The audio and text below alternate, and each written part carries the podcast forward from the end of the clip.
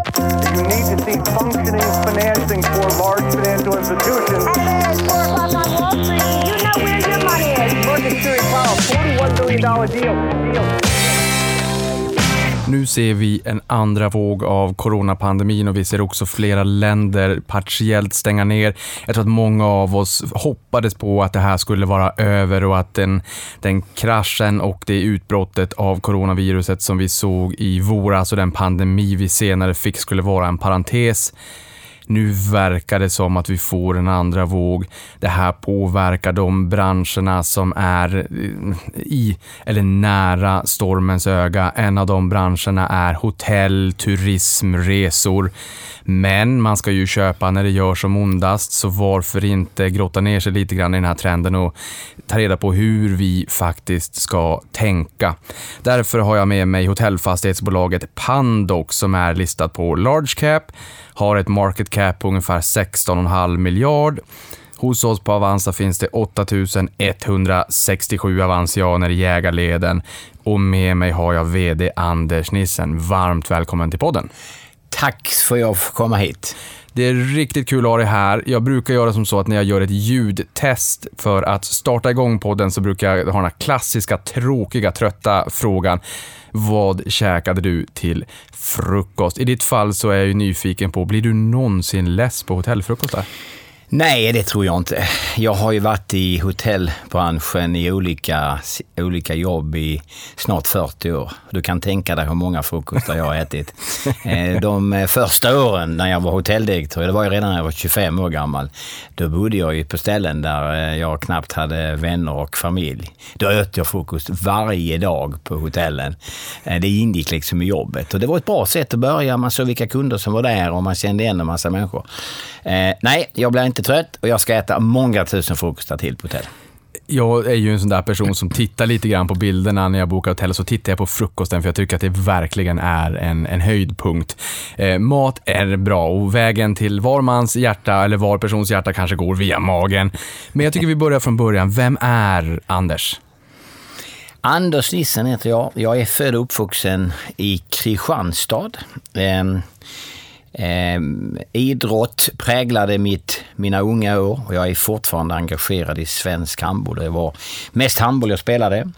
Eh, sen har jag då, kom jag in efter jag hade pluggat eh, så kom jag in i hotellbranschen i ett eh, management trainee-jobb. Detta är början på 80-talet, så det är många år sedan. Och det var den typen av jobb man gärna ville ha om man fick ett företag som satsade på en och jag fick lära mig hotell från grunden. Jag var hotelldirektör, jag blev affärsområdeschef, jag blev chef för den hotellkedjan som jag sedermera, som jag hade börjat med då några år tidigare. I början på 90-talet, på den stora finans och fastighetskrisen, så blev jag rekryterad av Lars Tunnell in till Securum för att vara med och sortera den eh, eh, tillgången, de här distress assets som fanns. Och det var en stor portfölj av ehm, eh, tillgångar som eh, inte var värt lika mycket som bankerna trodde de var värda när de lånade ut pengarna. Och det sorterade vi under ett antal år. Där lärde jag mig fastighetssidan. Jag kunde hotell, jag kunde management, jag kunde segmentering. Jag hade lärt mig den sidan. Men nu fick jag också lära mig fastighetssidan. Och när vi fick en tillfälle 1995 så eh, var jag med om att slå ihop de här två sidorna och bilda Pandox. Och då bildades ju det första industriella hotellfastighetsbolaget eh, i Skandinavien och vi var också det första bolaget som gick till börsen 1997 i Europa när vi då, när vi då noterade Pandox för första gången. Eh, så jag har varit VD i Pandox i 25 år eh, och ska vara VD i Pandox ytterligare en 35 år till. Så att eh, jag ska väl förhoppningsvis få bli utbjuden här igen på dina poddar. Ja, ja verkligen. Jag tycker att det, det är väldigt trevligt att få en liten uppdatering hur, hur landet ligger med, med jämna mellanrum. Så det här är den första podden. Här kommer vi få lära känna Pandox och sen framöver så hoppas jag att vi också lite grann löpande får lite uppdateringar. Eh, inte minst om du har varit i 25 år och kommer vara i 35 till. Då har vi skäl att, att ses många gånger gånger till. Men jag tänker hotelldirektör vid 25. Det är rätt imponerande. Eller också brist på konkurrens. Jag vet inte, man kan se det på lite olika sätt. Jag kom in i branschen och hade ju en, eh, en, en, en, hade haft en så att säga, lång idrottsbakgrund och hade spelat eh, så att säga, handboll och, och varit med, eh, varit lagkapten och haft lite sådana uppdrag. Och, och så var jag då, när jag sen, och jag var inte bäst i skolan på något sätt. Och när jag sen då kom ut och så tog jag med mig mycket av det där från idrottssidan med hur lag ska fungera, hur man, Eh, hur man eh, koncentrerar sig, hur man förbereder sig inför matcher, hur man jobbar ihop, hur man delar information, hur man följer frågor, hur man jobbar för att bli bättre, hur man får se till så att eh, summan av laget blir bättre än summan av individerna. Det var liksom det där jag hade med mig från idrotten och när jag kom ut och började jobba på det viset så visade det sig att till min förvåning att det hade jag lite, lite fördelar på jämförtvis mot en del andra, så de släppte fram mig. Ehm, eh, det gjorde de, de skickade upp mig till Kramfors till Hotell Kram. Det är ett eh, litet hotell i Kramfors som hade haft eh, 17 år röda siffror, så det var inte så stor risk att, eh, att eh, skicka upp eh, unge nissen där. Men eh, jag fick glädjen att sätta ihop ett nytt lag där och eh, året efter så hade vi svarta siffror. Eh, och eh, det gick ganska snabbt till en god lönsamhet och därefter så fortsatte det via eh, Tylösand, hotellet ute vid kusten som jag var med och etablerade och sen upp då i mer strategiska befattningar på hotell. Men, men, kommer du ihåg vad du riktigt gjorde? För det här kommer vi att komma in på senare i podden också. Ni har en liten fäbless för turnaround cases kanske man får säga, när ni förvärvar ja. hotell. Vad var det som gjorde där uppe i Kramfors med bara röda siffror? Man skickade upp nissen och sen så fick du svarta siffror på ja. det där. Alltså ett hotell är ju en ögonblicksbusiness som, eh, som man eh, måste vara duktig på liksom hela tiden. Man, samtidigt som man tillverka sin, alltså, sin service så levererar man över den till kunden. Den står liksom och tittar på en. Och jag var en gång, eh, satt i en styrelse en gång och det var en kille som eh, drev ett rätt stort industriföretag. Och han sa till mig, så du menar att eh, kunderna står och, och, och tittar på när ni lever, skapar era produkter, sa han. Just det, sa jag. Det skulle jag aldrig ställa upp på, sa han. Nej, men det är det man gör i serviceindustrin. Och det man, det man eh, ibland glömmer bort, det är ju den här dagliga verksamheten. Där man varje morgon ska få ett lag stå upp på, på scenen, checka ut folk tidigt, se till att det går snabbt, effektivt, leverera en trevlig frukost. Eh, och sedermera sätta igång hela maskineriet med mötesverksamhet, förbereda, förbereda luncher, förbereda eftermiddagen, kvällar och nytt incheckning på folk igen. Och det kräver ett väldigt engagerat och deltagande eh, ledarskap. Eh, och det är något som man ibland tappar i de eh, stora systemen och eh, när man är, jobbar med stora hotell så ska det styras allt för centralt, allt från huvudkontor. Men ett hotell är faktiskt primärt en lokal verksamhet. Och det var vad jag tog fasta på där. Jag gjorde Kramfors till min viktigaste marknad. Jag gjorde Ångermanland till någonting som alla, alla vill gilla hotellet. Till exempel gjorde vi en sån här sak att vi vi skapade, det här är ju nästan nostalgi för mig, jag talar om det här så många år efteråt. Vi skapade eh, Ångermanlands bästa lunch, som vi sa. En stor, fokus, en stor buffé som inte var så vanlig på den tiden. Och då fick man fick man köpa den för, om det var 20 kronor, så fick man kaffe om man gick och tittade på våra hotellrum. Okay. Och då hade vi folk som satt i fokus och det blev ju jättepopulärt. Så det var ju kö utanför för, och folk eh, eh, tog ju sig, om man skulle till Härnösand så stannade man i Kramfors eller till Sollefteå skulle man stanna i Kramfors. Då tog sig folk dit och då insåg man att det var en fin hotellprodukt och så började vi sprida det och så fick vi visitkort och folk som tittade och så började vi kontakta dem och så såg de att det fungerade. Och då skapade vi en kundbas som vi sedermera kunde jobba med och då gjorde vi de här människorna till ambassadörer. Så det var många människor som ringde till oss sedermera och sa, nej men jag eh, jobbar ju i ett, eh, i ett industriföretag och vi har, vi har vi har verksamheter på en fem, sex ställen i Sverige. Jag skulle gärna vilja att vi lägger nästa vårt möte i Kramfors. Så blir de våra ambassadörer. Eh, och det här är sättet att, att ha en, en, en lokal plattform med ett synligt ledarskap och ett engagerat ledarskap som deltar, som alla människor vet vem de är. Som folk söker, som ringer och frågar, hur ska jag göra nu på, eh, eh, till julbordet? Vi har ätit den fyra gånger hos dig, ska vi nu inte göra något annat? Och så är man en person som folk känner att de kan tala med. Man skickar dem ibland till andra hotell och ibland hittade man på någonting ytterligare det sättet att jobba, den, den, den, den strategin, den har jag tagit med mig genom alla år. Den gäller fortfarande. Och det är ju det vi oftast talar med turnarounds. Det är en kombination av mycket saker, men det ingår alltid ett lokalt starkt management som alltid är viktigare än ett varumärke. Ja, jätteintressant och någonting jag också måste fråga för att jag vill gärna att de här avsnitten är statiska över tid så att man kan lyssna på det här avsnittet och få en bra bild av bolaget Pandox och sen när du kommer löpande genom åren så får man en statusuppdatering. Men det går inte att inte prata om coronapandemin. Det är elefanten i rummet. Men innan det, hur står sig den här pandemin i förhållande till eh, finans och fastighetskrisen på 90-talet? Hans Wallenstam, andra generationen i bolaget, släppte nyligen en bok där han pratar om krisen på 90-talet. Oerhört bra. Mm. En stor portion finansiell allmänbildning. Du var ju också med då. Ja, i högsta grad. Hur, hur, hur, såg du på liksom, den krisen då i förhållande till idag?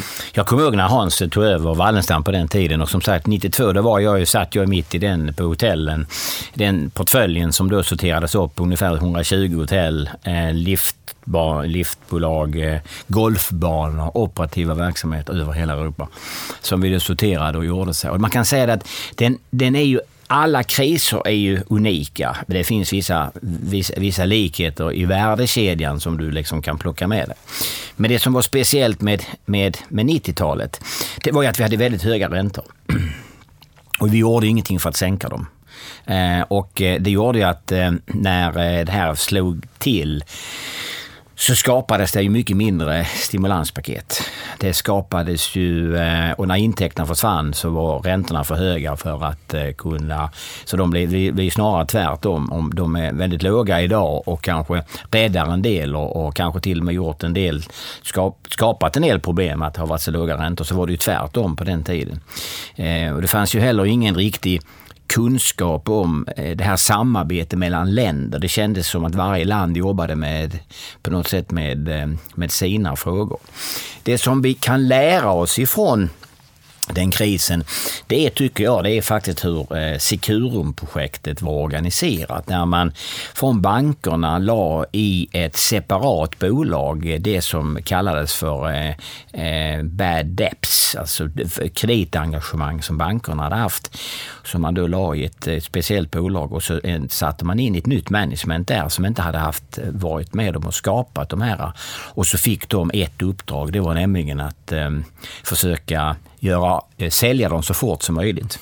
Och Lars Tunnell som ju då kontaktade mig och erbjöd mig det här jobbet, han sa också till mig att ju fortare du jobbar, ju bättre du jobbar, ju snabbare blir du av med jobbet. Så att, eh, det var också det andra sättet. Det gillade jag ju. Va? Alltså, som person så tyckte jag liksom, det var inte några problem. Jobb finns det väl.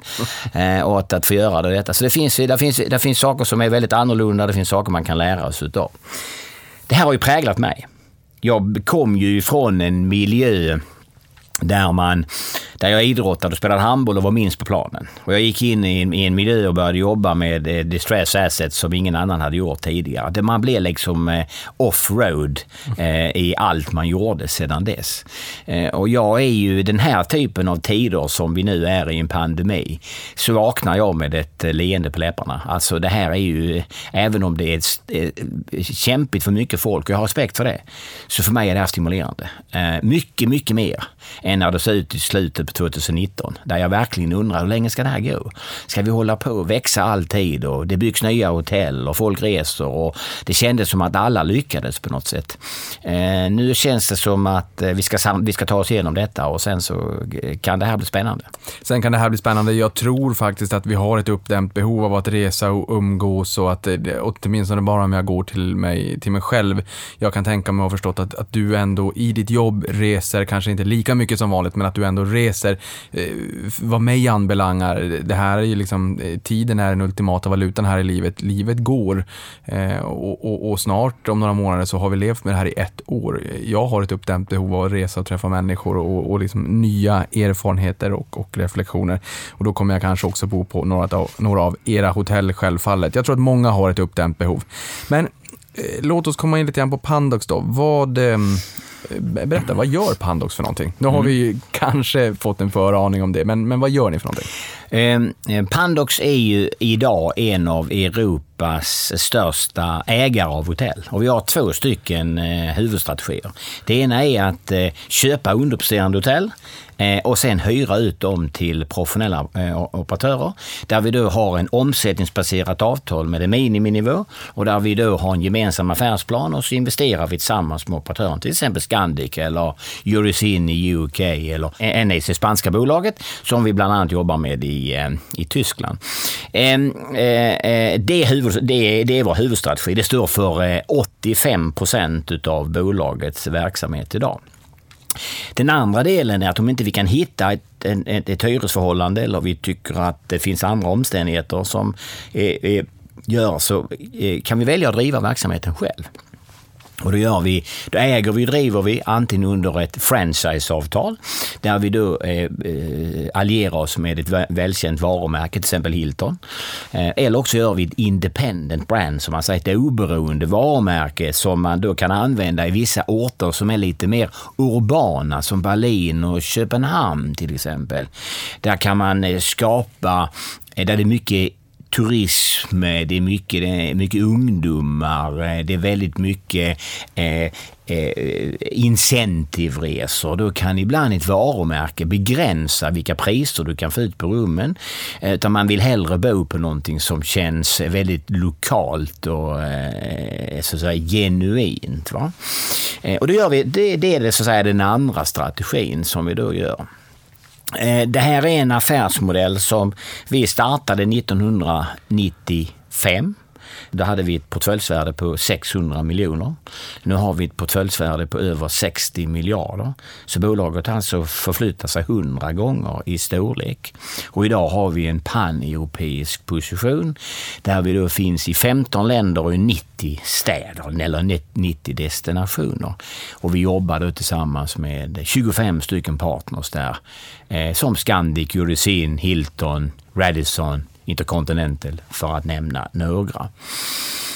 Det är Pandox idag. Det är Pandox idag. Eh, och jag tänker innan vi går vidare och pratar om Pandox idag så ehm, det finns ju lite branschspecifik eh, terminologi inom, dels inom fastigheter men även inom hotell som är bra att ha koll på. Då. Jag tänker vi betar oss igenom eh, tre snabba innan vi går vidare i podden.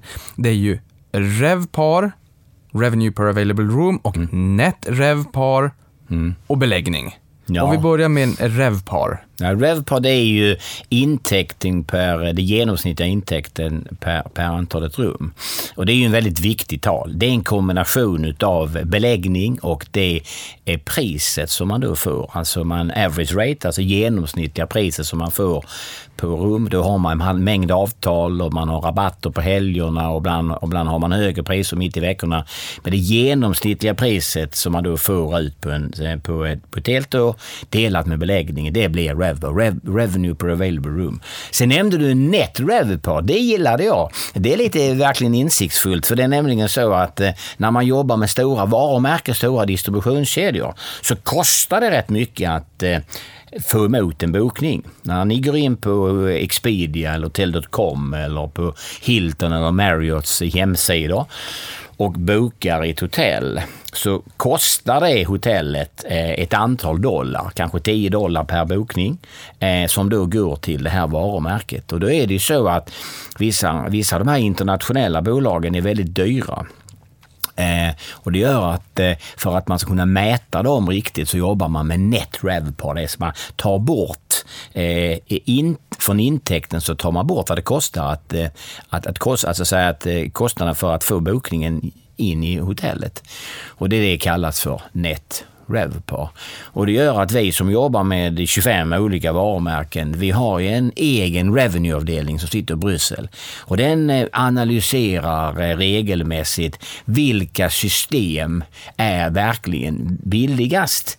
Inte på gross revenue, utan på net revenue.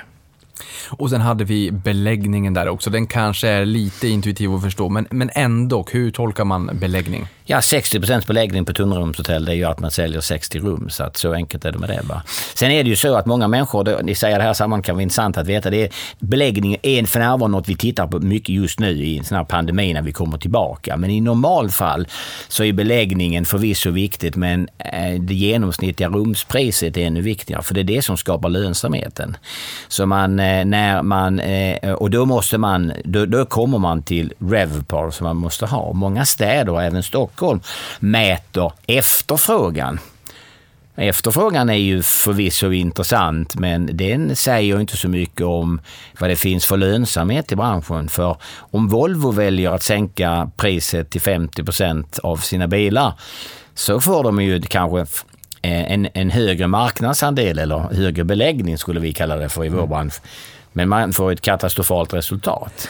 Eh, så därför måste man, när man hotellar med hotellbranschen, så ska man mäta någonting så ska man möta Revpar. Under en period här så får vi nog eh, dock eh, nöja oss med att det blir rätt mycket tal om beläggningsgrader tills vi har rättat till den här pandemin. Vad är en eh, normal beläggning, genomsnittlig beläggningsgrad i normala tider? Ja, om du ser på internationella stora destinationer som eh, Stockholm eller London eller Amsterdam så har det de sista åren legat eh, mellan 75 och 85 procents beläggning. Alltså väldigt hög beläggning, väldigt högt resande eh, och goda snittpriser. Det ligger då lägre i inhemska marknader om du tänker dig Karlstad, Jönköping eller Karlsruhe och Bremen så ligger det ju lägre beläggning och lägre snittpriser. Men de inhemska är mera stabila. Så eh, intervallen mellan högsta och lägsta punkten är, betydligt mindre. Eh, och, i London då så kan det variera väldigt mycket. Men säg att beläggningsgrader på 70% plus i alla fall London, det går det sällan under. Finns det några eh, spännande samband i er bransch som ni tittar lite grann på? Jag tänker mig exempelvis eh, kabinfaktor inom flyget. Den är ju för sig släpande och då kanske ni redan har sett effekten förvisso. Men finns det några samband utöver era egna siffror såsom Revpar eh, som är faktiska om man så säger, som ni tycker är intressanta för att någon form av ledande indikator för vart ni tror att efterfrågan är på väg? Jo, vi, alltså, vi har ju en, det är en väldigt dynamisk, i normala fall är ju hotellbranschen en väldigt dynamisk bransch och du vet, eh, du bokar säkert en hel del på hotell.com och Expedia och alla dessa är, distributionskanaler. Det finns ju ehm, eh, nu as we speak i Stockholm, i, i normala fall så skulle det funnits flera hundra olika distributionskanaler som du som kund kan välja att eh, att, att välja emellan och det finns olika priser i de olika distributionskanalerna beroende på var de kommer ifrån. Det kan vara eh, distributionskanaler från eh, amerikanska eh, som vänder sig mot amerikanska turister som kanske har ett högre pris än de som kommer ifrån de skandinaviska länderna. Det kan vara distributionskanaler som är knutna till vissa speciella brand, varumärken som Hilton, och Marriott eller Scandic som varierar väldigt mycket i priserna också. Och det varierar inte bara över tiden, också, också varje dag. Så att du har en, priset eh, rör sig under dagen och därför måste man ha en väldigt kontroll på sin revenue management managements del och då är vi väl inne i denna. Och är, är du duktig på att förstå hur du ska optimera dina intäkter, det är du om du, du förstår du marknaden och marknadens eh, eh, eh, alltså, forecast. Hur ser forecasten ut nästa månad, nästa vecka, i nästa tre dagar, idag, nästa timma? Så sitter folk och jobbar. Ehm, och det är ett väldigt krävande analytiskt arbete. Och är du duktig på den, då vinner du två stycken saker. Du vinner nästan alltid ett högre snittpris, för du är duktig på att öppna och stänga i de här systemen. Men du, vinner, men du vet också vilka intäkter du rimligen får på hotellet. Och baserat på det kan du planera din organisation och hur mycket människor som ska jobba och jobba på vilken avdelning. Och därmed kan du få en hög produktivitet. Det där är ett komplicerat samband som människor som inte har gjort det oftast underskattar. Hur kan man skapa lönsamhet utifrån hotell? Det är banne mig ett, eh, ett, ett, ett jobb som kräver eh, ett närvarande management. Eh, och det, det kommer utifrån hur duktig du är på att göra dina prognoser och det kommer från de här nyckeltalen som du var ute efter som man får genom ett aktivt revenue management-del. Jag kan tänka mig att de har stenkoll på alla, alla konferenser som, som, är, eh, som är under året. Men jag tänker mig en trend som man ser inom detaljhandel är ju att fler och fler företag går mot DTC-kanaler, direct to consumer, och skippar eh, wholesale-ledet eller retail-ledet så att säga. Eh, hur ser balansen ut hos er, eh, Hotels.com, Expedia med flera, kontra att man faktiskt bokar era egna kanaler och skapar incitament för kunderna att faktiskt boka via era egna kanaler eller kanske att man får en gratis parkering eller, eller någonting extra ja. på frukosten? Eller, hur ser den balansen ut och hur ser incitamenten ut? Det, är ett, det här är ett krig som har pågått under lång tid. Om vi går tillbaka för att skapa en heltidsbild på detta. Så när jag var hotelldirektör, då fanns det få distributionskanaler. Samtliga ägdes av varumärkena. Och man var väldigt bunden till då Sheraton, Hilton eller Reso eller Scandic. Det var de som på något sätt dominerade marknaden. Man ringde till sin resebyrå och så ringde resebyrån upp och så bokade man på de här hotellen som resebyråerna hade så appointment på. De hade antal rum som de hade varje dag på Continental i Stockholm eller på Grand. Eller sådär. Och det var, det var väldigt styrt av dem. Sen kom ju de här äh, mellanleden med Hotell.com och Expedia och liknande. Och det blev ju en explosion då därför att plötsligt kunde du som kund gå in i en specifik stad. Um, om du skulle åka till um, Eh, Manchester kunde du gå in på en sajt och då kunde du få alla Manchesters hotell oavsett varumärke. Och du kunde få priserna och du kunde jämföra på ett lättare sätt. Det är mycket, mycket möjligt att du fortfarande ändå valde det varumärket som du hade vant dig vid. Men du såg ju alternativen och du visste vad du skulle ha. Ehm, och det gjorde ju att de här sajterna blev ju väldigt aktiva och marknadsförde sig mycket vilket gjorde att du reste mer, för du fick mer erbjudande i din telefon. Det har du säkert varit med om att vissa dagar så vaknar man ju inte för, man vaknar ju med de här erbjudandena på morgonen.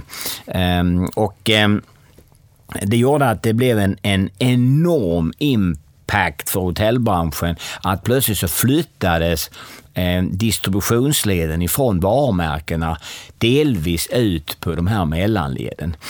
Eh, och det här är ju inga små företag. De som äger en Priceline och de här som äger de här bolagen, det är ju, de är flera gånger Ericsson i storlek. Så det är ju rejäla bolag med rejält mycket marknadsföringskraft. Ehm, och jag tror 2019 så marknadsförde sig Expedia på, ehm, med 100 miljoner dollar, eller om det var 100 miljoner var det kanske. 100 miljoner var det nog. Nej, 100 miljoner 100 miljoner var det nog de, som de marknadsförde på, på, på ads. Och, och, det är klart att det är mycket, mycket mer än vad varumärkena på något sätt orkar med och då driver de ju trafik dit. Nu har ju Google kommit in där inne eh, och eh, jobbar med sina sökmotorer eh, och kommer också bli en spelare på detta. Hur gör då branden för att flytta trafiken ifrån detta? Ja, det är med olika typer av kampanjer. Hilton har väl varit den som har varit mest aktiv i detta och de har sagt att om du bokar direkt på Hilton så får du förmåner och du får eh, gratis frukost eller du får eh, gratis wifi eller som du sa en gratis parkeringsplats. Det har ju inte varumärkena eller eh, eh, eh, de här eh, Hotell.com och de här OTA som vi kallar det för online travel agencies. De har inte gillat detta så de har sagt Hilton det får ni sluta med annars så bokar vi inte era hotell. Så det har varit eh, juridiska processer detta som har gått i brandens fördel. De får lov att boka hur de vill och de, eh, de får inte lov att begränsa verksamheten nyheterna här så har vi fått en del på detta. Men det har visat sig att att branden har svårt att över tiden konkurrera med OTA-erna för att eh, när de tar, tar bort sina rabatter då eh, försvinner folken oftast tillbaka till de här eh, online travel agencies eh, kanalerna igen. Eh, och ehm, eh, det är ett enormt krig som har funnits där under lång tid. Och när jag såg detta som började hända med retail-sidan och jag följde vänner som fanns i den sidan så sa jag oftast att ja, det där har redan ägt rum i hotell. Det har vi hållit på med i 20 år. Det kommer bli bra, men det kommer krävas att nya aktörer kommer fram. Man måste ha ny kompetens för hur man klarar av den. Så jag tillhör en av dem som jag vill inte betala fior, men jag tillhör dem som gillar OTA-erna. Det finns inget varumärke i världen som tillhör dem, för de är deras konkurrenter. För de har skapat direktkontakt för mig med kunden. I branden. De äger kunden och de har jag inte riktigt koll på. Så som stor fastighetsägare i hotellbranschen så vill jag veta vem som bor på mina hotell. Och det får jag med expediahotel.com. Mm. Så vi gör mycket samarbete med dem. Ni har ju två stycken segment. Dels eh, fastighetsförvaltningen, mm. de fastigheterna som ni äger och hyr ut till stora hotelloperatörer. Eh, och sen har ni den här egna operatörsverksamheten som du har varit in på. Mm. Eh, är det vanligt för eller snarare ovanligt för hotell att äga fastigheterna själv globalt? Mm. I, eh, förr i världen så ägde stora varumärken, stora hotellbolag sina, ett, ett, rätt mycket sina egna fastigheter. Man drev dem Ehm, under egna varumärken.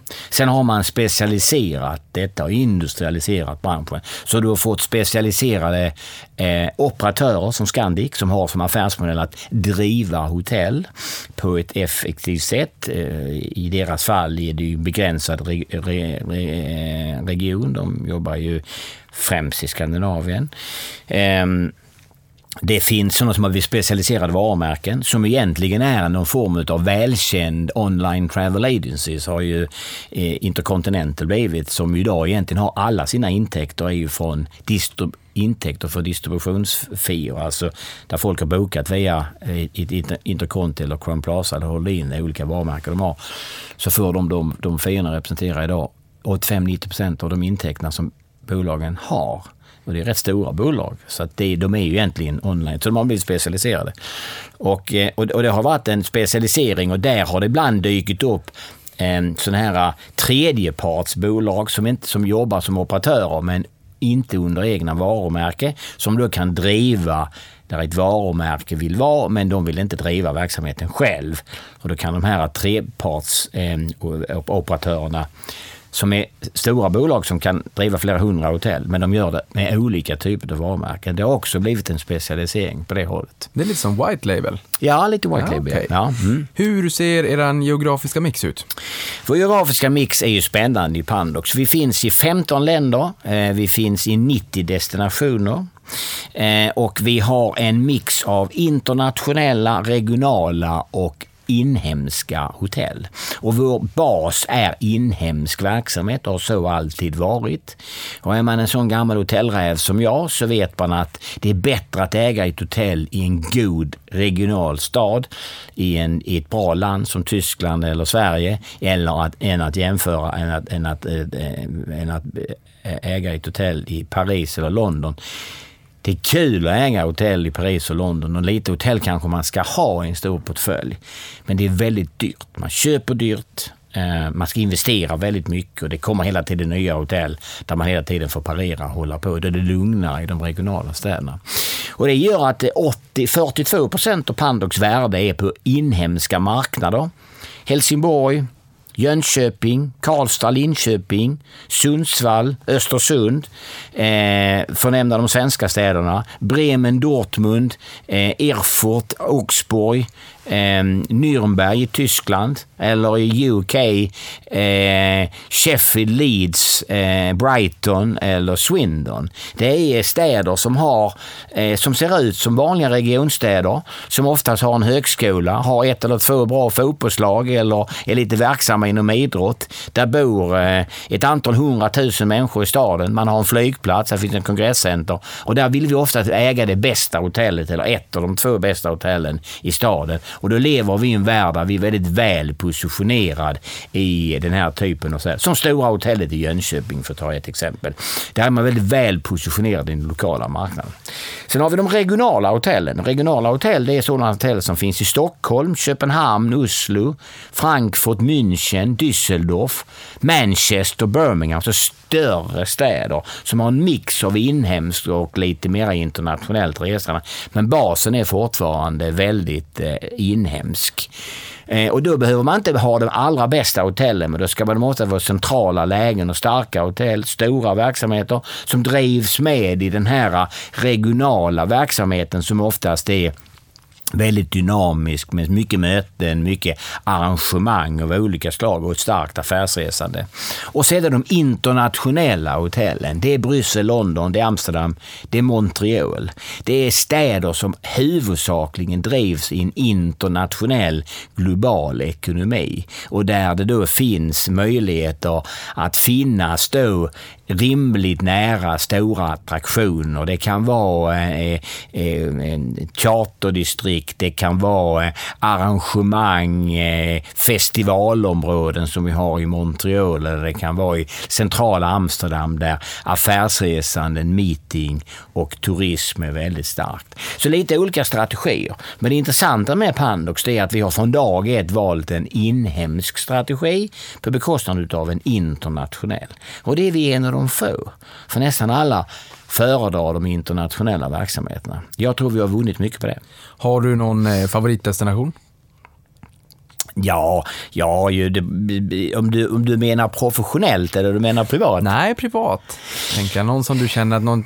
För du pratar ju om vissa städer här som är lite mindre, som jag tror att det är många som inte har varit i. De kanske har sin lokala skärm, men som flyger under radarn för att man, man läser om London och Paris och, och de här mm större städerna. Eh, man kanske missar en och annan pärla som ja. under radarn. Ja, det är klart att vi har ju hotell på många spännande ställen som kanske är lite utanför svenskans radar. Salzburg är väl ett sådant ställe. Det tycker jag är, borde alla människor ha på sin lista. Där har vi ett fint hotell som ligger precis nära Gamla stan. Det är en underbart vacker stad.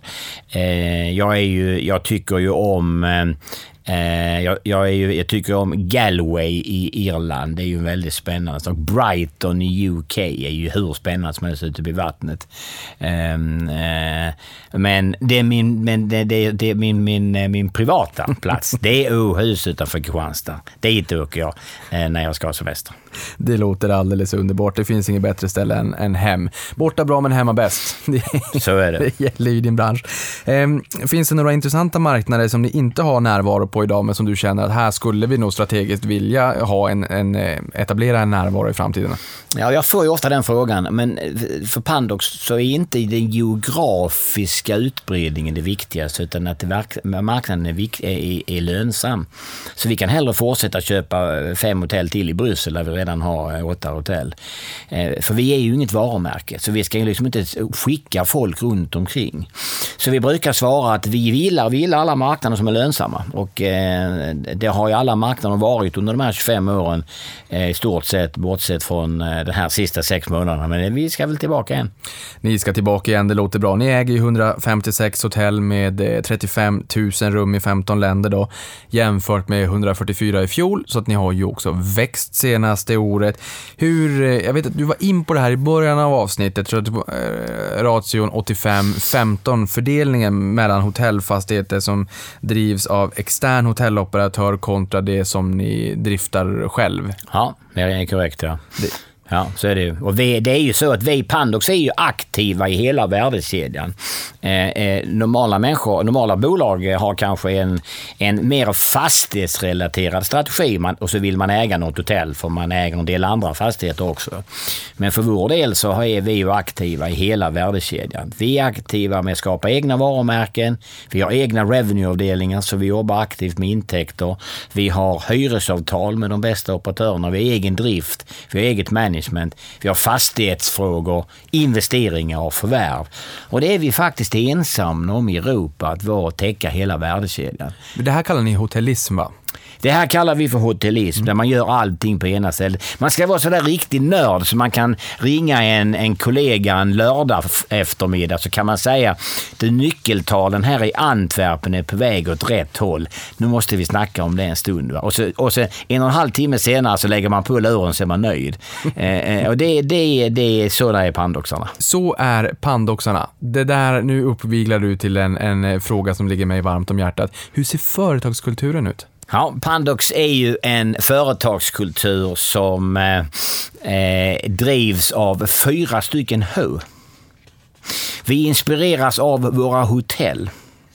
Vi tycker att, eh, att leva med hotellen, med den verksamheten, eh, serviceandan, eh, spiriten när man träffar människor, att man är inkluderande, man är öppen för olika typer utav... Eh, vi är ett väldigt internationellt företag med, med mer anställda som inte är svenskar, så vi är ju van vid människor som inte liksom var, var, var, vaknar varje dag och läser Kristianstadsbladet. Det är ganska få som gör det. Eh, och det ger en viss tolerans och en ödmjukhet för att värld, hur världen verkligen ser ut. Det är det ena H. Det andra H, det är eh, handboll.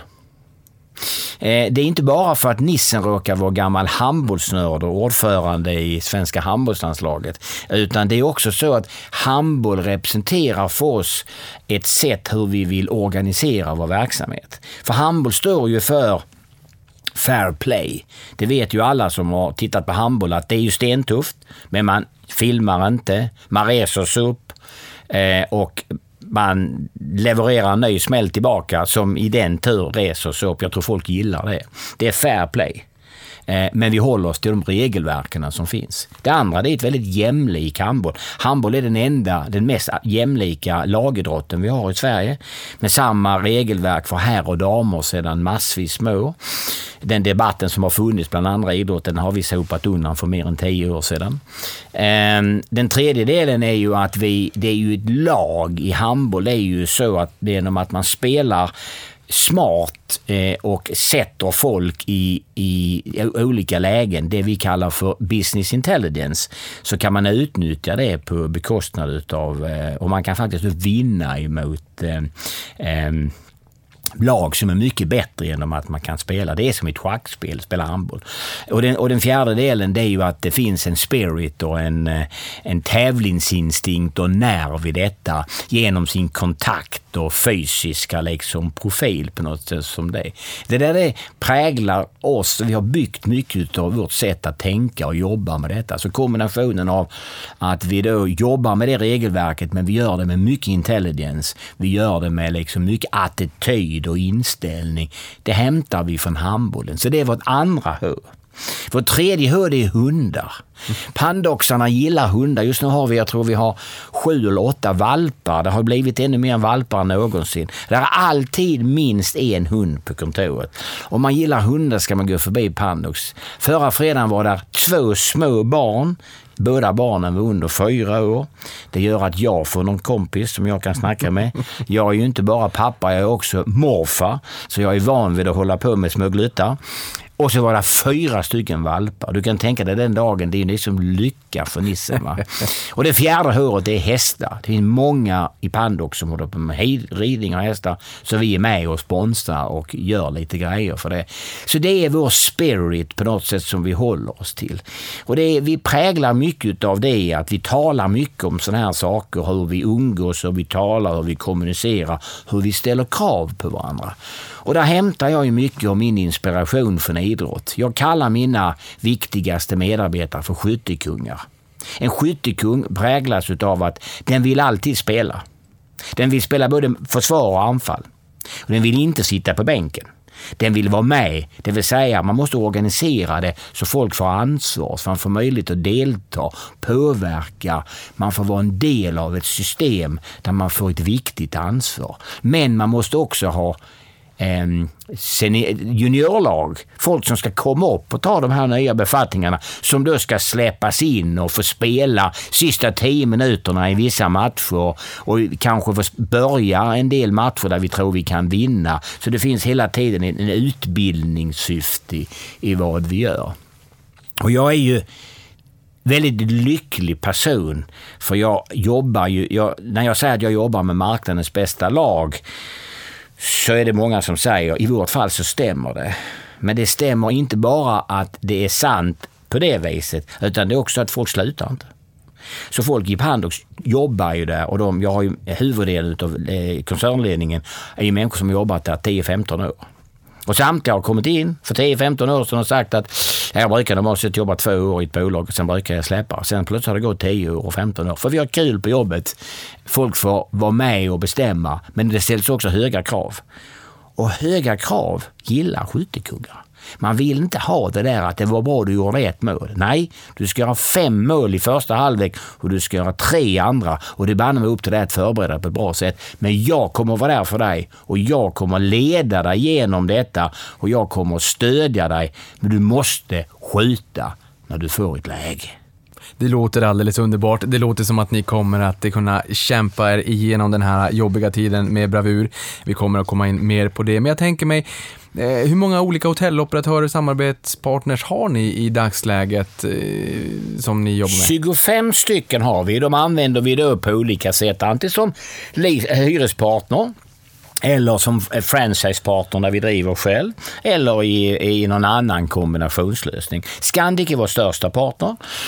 Vi har väldigt stora samarbeten med Leonardo i Tyskland. Vi har stora samarbeten med Eurozine i UK. Hilton är stora eh, med sina, då har vi både Hilton och vi har Hilton Garden Inn eh, tillsammans med dem. Vi har en hel del Intercontinental hotell och inter, i Intercontinental ingår det förutom Intercontinental också Crown Plaza och Holiday Inn. Vi har har ju en hel mängd oberoende varumärken, alltså vi har skapat dem själv. Till exempel The Hotel i Bryssel som var ett Hilton, men vi tyckte att eh, är man 400-rumshotell, ligger för Boulevard Waterloo, är ett eh, landmark i hela city. Man ser fastigheten överallt. Då, är man, då ska man vara lite mopsigare med ditt eget varumärke. Det skapade vi D Hotel. Och det är ju ett eget varumärke som vi då bara har i Bryssel. Och det har ju då blivit, för att tala Revpar, Revpar-ledare i Bryssel av de stora affärshotellen. Eh, vi har gjort ett sådant i Berlin, Hotell Berlin Berlin. Eh, vi ägde namnet Berlin och så kallar vi det då, fortsatte vi kalla det för det sättet. Det har vi inte heller något etablerat varumärke med en verksamhet som också har utvecklats väldigt starkt genom att vi tar, plockar upp eh, lite grupper som vill gärna komma till en sån här stad som Berlin och inte känna, känna att man har liksom en lokal förankring och sådär. Eh, för att ta några typer av exempel. Och där arbetar vi ju varje dag med den här typen av samarbetspartner. För, för att eh, tala om eh, Bryssel där så finns det ju ett hotell som heter Hotell Hubert. Mm, Hubert, ja. ja. Mm. Hur, Hotell Hubert, Hotell Hubert, Hotell Hubert. Ja. du, du märker alldeles uppenbarligen att, jag måste, att vi måste förbi pandemin. Jag måste ut i världen, jag måste bli bildad Eh, i Bryssel. Det är ju ett hotell som, som hade problem för några år sedan. Då beslöt ni er för att ta över driften av hotellet i egen regi samtidigt som ni fräschade upp hotellet rejält och genomförde en ompositionering av det här hotellet. ja. När det återöppnade så lyckades ni attrahera det köpstarka segmentet och uppnådde en revpar, då, intäkt per genomsnittligt tillgängligt rum som var högre än många premiumhotell i Bryssel. Ja. Som ett brev på posten så ökade marknadsvärdet med 40%. Min fråga här är ju, hur mycket så här, såna här dolda värden finns det bland era 156 hotell skulle du säga? Ja, där finns ju en del eh, pärlor som man kan eh, över tiden göra om. Det som du sa, va? detta var ju ett, ett brandat hotell, ett midmarkt hotell som ligger mitt centralt nära eh, Grand Place och ett område där ungdomar och köpstarka ungdomssegment började röra sig. Bryssel är en stad som har legat lite grann i skymundan mellan Paris och Amsterdam. Och här under eh, från eh, 16, 17, 18 eh, så började det komma mer och mer weekendtrafik in i Bryssel och Bryssel stärkte sig som en ungdomsdestination. Eh, det är ju häftiga områden runt Grand Place och fantastiska restauranger som folk tyckte om. Eh, Och så var det billigare än, än Paris så det var ju också en, en, en skäl till varför många valde att åka. Och där hittade vi ju en segment på eh, de här personerna. Primärt var detta holländare, tyskar och fransmän som då tog sig dit. Ehm, Fantastiskt snittpriset. Ehm, jag tror beläggningen gick från 61 till 87 procents beläggning första året och jag tror snittpriset nästan fördubblades. Ehm, och det var genom att vi skapade en ungdomlig profil, nästan en hostelkänsla med en aktiv lobby som var väldigt dynamisk och med, med, med otraditionell mat. Mycket eh, autentisk mat, alltså med eh, lokala produkter intäkter, eh, mycket hållbarhetstänkande. Men också mitt i alltihopa en, en, en vagn där man sålde eh, belgiska korvar. Eh, och där man kunde få en öl. Man kunde få en öl som folk tyckte var kul. Biljardbord och fantastiskt gym och liknande och så starkt läge.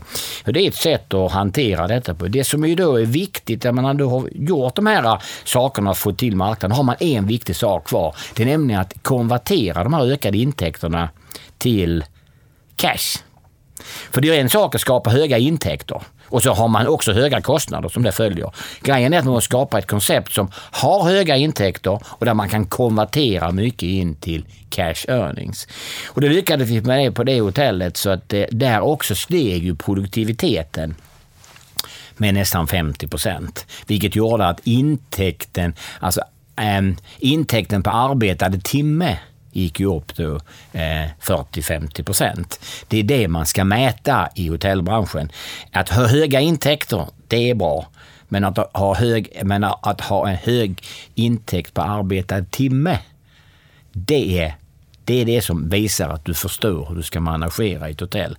Av det följde att vi fick mycket mer kassaflöden in.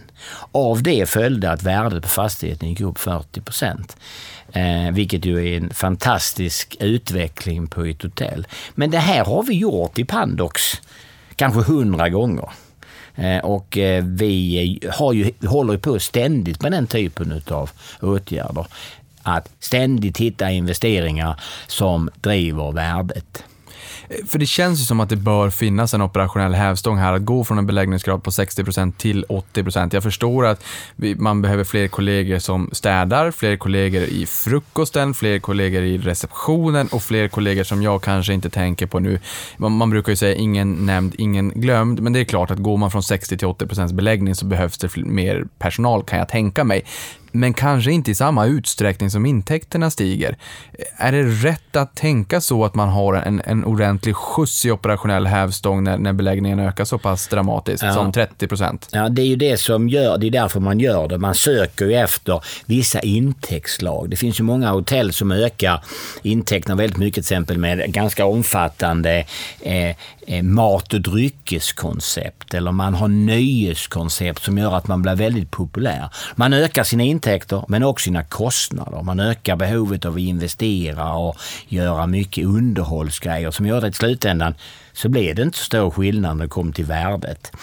Det här exemplet var och de många andra sådana som jag kan ge dig på andra Jag ska ge dig ett annat bra exempel. Det är, det, och då, om jag kommer fortsätta där, då kan jag säga att, att då, det är det du ska hitta på hotellen. De här områdena du känner att här kan jag skapa högre intäkter som också innebär högre lönsamhet.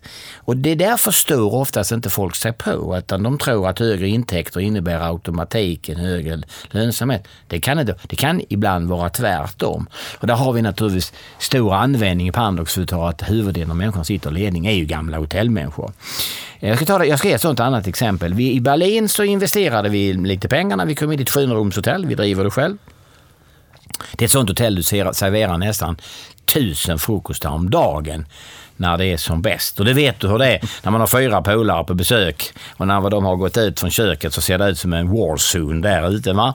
Nu har vi 996 som ska komma och sen ska de tillbaka till, till, till lunchen igen. Va? Så det är, det är ju det är ett stort, ett stort hotell och stor verksamhet. Och då började vi jobba väldigt hårt med segmenteringen när vi hade kommit in på hotellet. Så inte bara att vi renoverade utan också gjorde segmenteringen. Och segmenteringen att vi skulle inte höja priset utan vi skulle få de segmenten som redan betalade ett högre pris att komma till oss. Mm. Och vi lyckades på ett år då höja vårt genomsnittspris med 10 euro. Vi, om, vi, säljer, vi säljer nästan 200 000 rum per år. Det gav 20 miljoner mer i intäkter. Det gav 17-18 miljoner mer i cashkörning. Med 5% diskonteringsfaktor så gav det en värdetillväxt på 350-400 miljoner. På du jobbat med revenue management. Det tror inte jag är normalt att fastighetsägare kan och förstår. Men det kan ju vi, för vi har jobbat i driften i hela vårt liv. Och det skapade ju den, den, ök, den värdeökningen som vi fick, eh, som, var, som är en bestående värdeökning.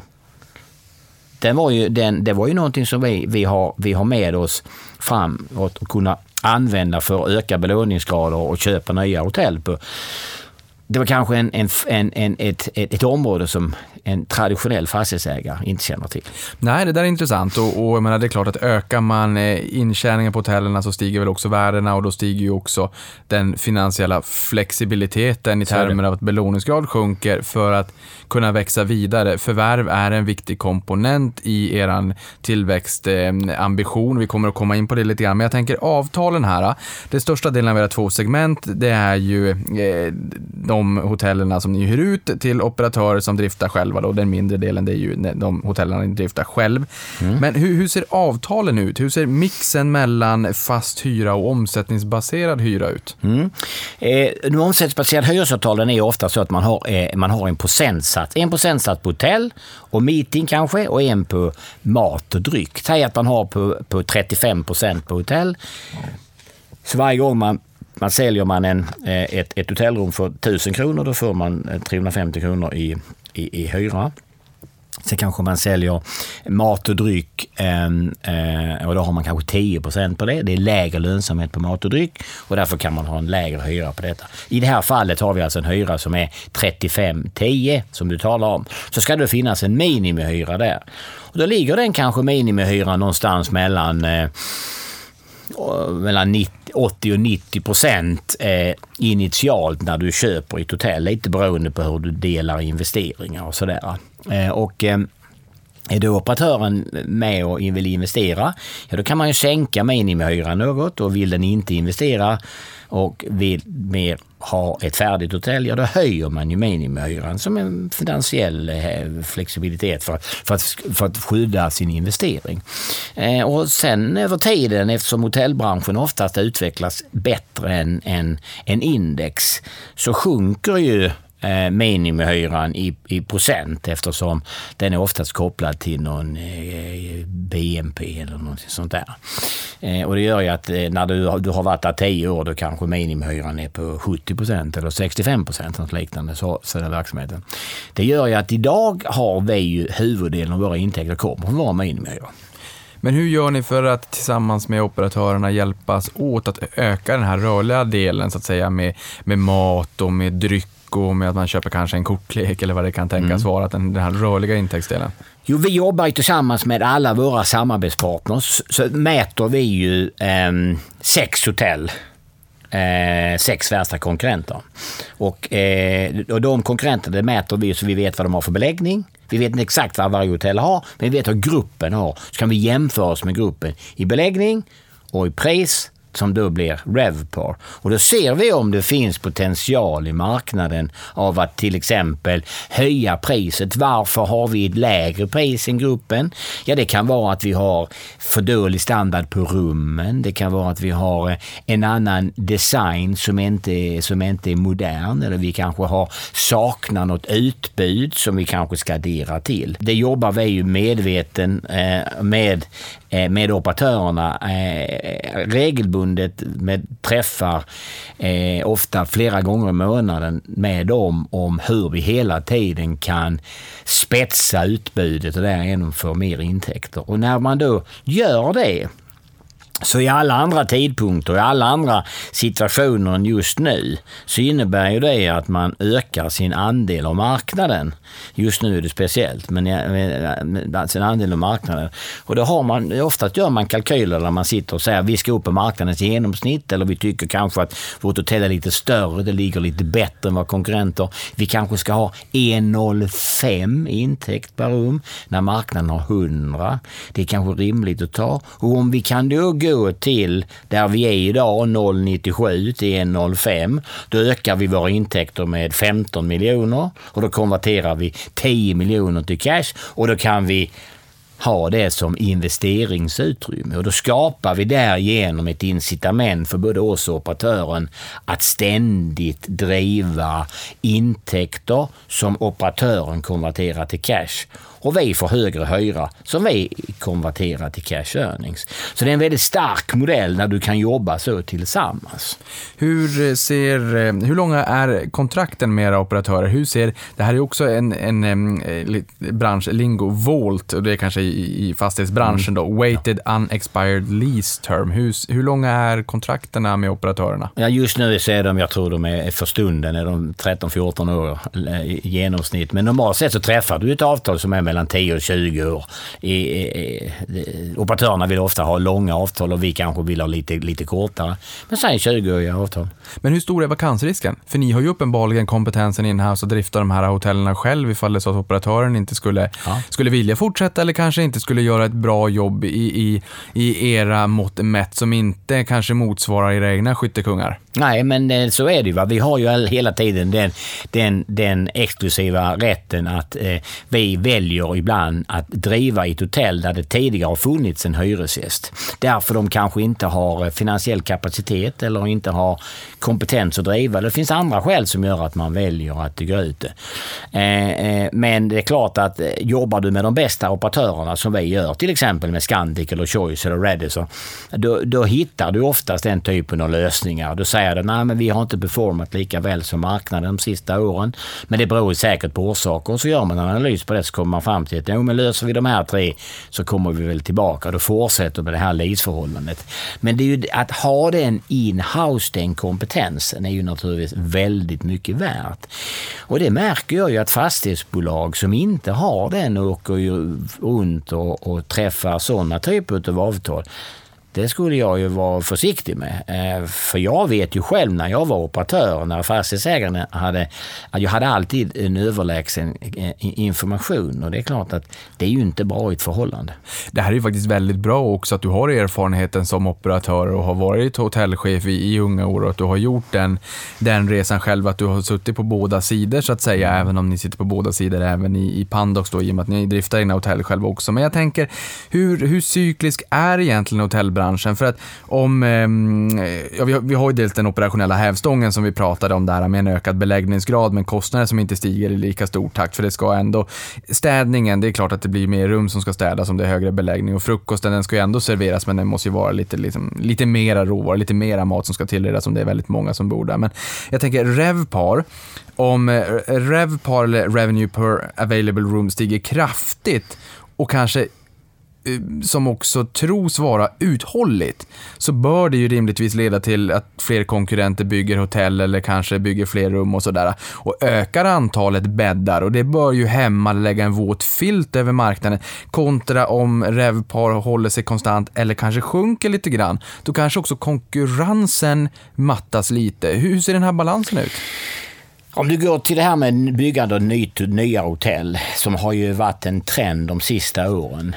Där det har varit mycket byggbolag som eh, driver fram nya byggprojekt och sen har operatörerna varit beredda att kliva in och signa långa hyresavtal idag. Den marknaden kommer ju att försvinna efter den här pandemin. Pandox bygger inte nya hotell. Det är helt enkelt för dålig lönsamhet. Att bygga ett nytt hotellrum i Stockholm, det kostar 3,5-4 miljoner per rum. Du vet, det, det värdet kan du inte plocka tillbaka. Det tar lång tid att få tillbaka. Det här har underskattats av, av den traditionella fastighetsbranschen och byggbolagen. Vad de gör, de talar ju om grön och, gröna, grön, grönt och guld i skogarna. Och just nu är alla de som har suttit och talat om hotellbranschens eh, fantastiska utveckling jag har inte noterat att de för närvarande är ute och talar i pressen lika mycket som de gjorde här för några år sedan. De har liksom försvunnit bort och det är ju liksom, så är ju karaktären på byggbolagen. De är intresserade av hotell när de behöver avsättning för sina byggmaskiner. Inte hotellbranschen och har ju ingen specifik kompetens i marknadsutveckling heller, utan de ska ju få till byggprojekt. Och är det så att nu inte operatörerna kommer att träffa några hyresavtal, i de här byggprojekten så kommer inte byggprojekten att bli av. För de kommer inte bygga på spekulation. Och därför kommer den sidan naturligtvis att gå ner väldigt mycket. Det är bra. Det byggdes för mycket hotell här tidigare och att det måste tillföras någon form av hotell i en, över en konjunkturcykel, det är naturligtvis rätt. Men när eh, många marknader låg på mellan 50 och 60 procents beläggning, det var ju halva omsättningen, potentialen togs inte hand om och ändå byggdes det nya hotell. Till exempel nere i Köpenhamn som nästan får 40 procent mer hotellrum här nu under en tre-fyraårsperiod mot tidigare. Det är fullkomligt vansinniga projekt framdrivet av folk som antingen har haft för mycket pengar eller haft en övertro på marknaden som aldrig kommer att inträffa. Lucky oss, är inte vi i några av de projekten. det låter bra. Men för jag tänker så här, hur, hur ser en typisk Pandox hotellfastighet ut? Finns det någon röd tråd där mm. ni känner att ja, det här ska vi förvärva? Ja. För om vi ska förvärva någonting så ska det ju helst vara underpresterande på något sätt. Det kan vara att man kan behöva byta varumärke eller investera eller man behöver byta, eh, byta affärsmodell eller vad det nu är för någonting. Det andra det måste ligga i en ort som vi då tror har förutsättningar och då tycker vi mer om så att säga, inhemska marknader än vi tycker om internationella. Det tredje det måste vara en viss storlek. Snittet på Pandox-hotellen är 225 rum. Det är fem gånger större än genomsnittspris, eller genomsnittet eller fyra gånger större än vad ett genomsnittshotell är i Sverige. Så vi har stora hotell och det är för kritisk massa. Så de tre sakerna tittar vi naturligtvis eh, alltid måste uppträda. Sen är det ju ett eh, tailor-made arbete att titta på varje hotell där vi ibland har de här kriterierna men ändå väljer att inte göra förvärvet av det anledningen att det finns andra saker som vi känner är osäkra. Ehm, och det, det gäller att ha den analyskapaciteten där man är ute och tittar på nya verksamheter så man inte liksom springer runt och, och förvärvar någonting som inte går att rätta till. Nej, för i er årsredovisning så står det att eh, er tillväxt drivs av en kombination av förvärv av nya hotellfastigheter, investeringar i befintlig portfölj och marknadstillväxt. Ja. Hur stor potential finns det till de här tilläggsinvesteringarna mm. i hotellerna ja. och hur fördelar ni de investeringarna? För ni delar dem med operatören va? Det gör vi väldigt ofta. Det här är väldigt intressanta investeringar för oss att göra. Det var de jag var inne på, att när du kan hitta ett hotell, till exempel just för närvarande håller vi på att bygga ut ett, ett Scandic-hotell i Luleå med 100 rum. Vet du vad jag tänkte fråga dig? För jag är från Boden och i Luleå, när du kommer där och ska köra in, det finns en Kvantumbutik och innan du har några kilometer kvar till Luleå centrum. På din vänstra sida så ser du Scandic-hotellet. Jag såg det där när jag var i Luleå hemöver här för något halvår sedan. Jag tänkte, ja, Pandox. I de sämsta tider kanske de bästa affärerna görs. Uppenbarligen så valde ni att, att investera i och förbättra, fräscha upp där. Det gör vi och, vi, det, och det, här får vi möjligheter att eh, genom de här hundra rummen, att, eh, eh, som du säger, renovera det övriga hotellet också. Det var behov av det på Luleå. Och då bygger vi hundra rum till och då, menar, och då, då tror vi att Luleå är ju en marknad som även i dessa tider går väldigt bra. Ni där uppe, ni bryr er inte så mycket om pandemier. Eh, det, det, har man inte i Norrland. Eh, utan eh, utan det, det, är en väldigt stabil marknad. Stabil hotellmarknad som har varit i Luleå har varit så i många år. Det är Ledern, Sundsvall och Östersund för att nämna tre andra. Eh, och det här är ju därför man vill ha hotell på olika ställen. Därför att man, man, man reagerar så olika på konjunktur upp och respektive nedgångar. Men det exemplet innebär att vi tror att den marknaden som finns i Luleå, den vi ser framför oss, som har en stark tillväxt. Mer tillväxt i Luleå än i Boden. Däremot så är det så att Boden är bättre än handboll än vad Luleå är. Det kan vi glädjas åt båda ja, två. Banne, men någonting har vi i alla Någonting fall. har ni, speciellt på damsidan. Men, men då är det ju så att då skapas det ju ett extra värde genom de här rummen och vi tror vi kan, vi kan, vi tror vi kan sälja ungefär samma beläggningsgrad som vi har idag med ett hotell som har 100 rum mindre. Kanske inte första året, men ganska direkt. Och varför tror vi det? Jo, för vi har många dagar som heter eh, compression days, alltså där vi har mer än 90 beläggning. Och det här är en viktig term, det här är en intressant term. Det är väldigt viktigt. Och kan du det, förstår du den hur marknaden fungerar, så vet du att här ger vi bort intäkter. Och då ger vi det till våra konkurrenter. Eh, och, eh, och, eh, och det gör att du har en...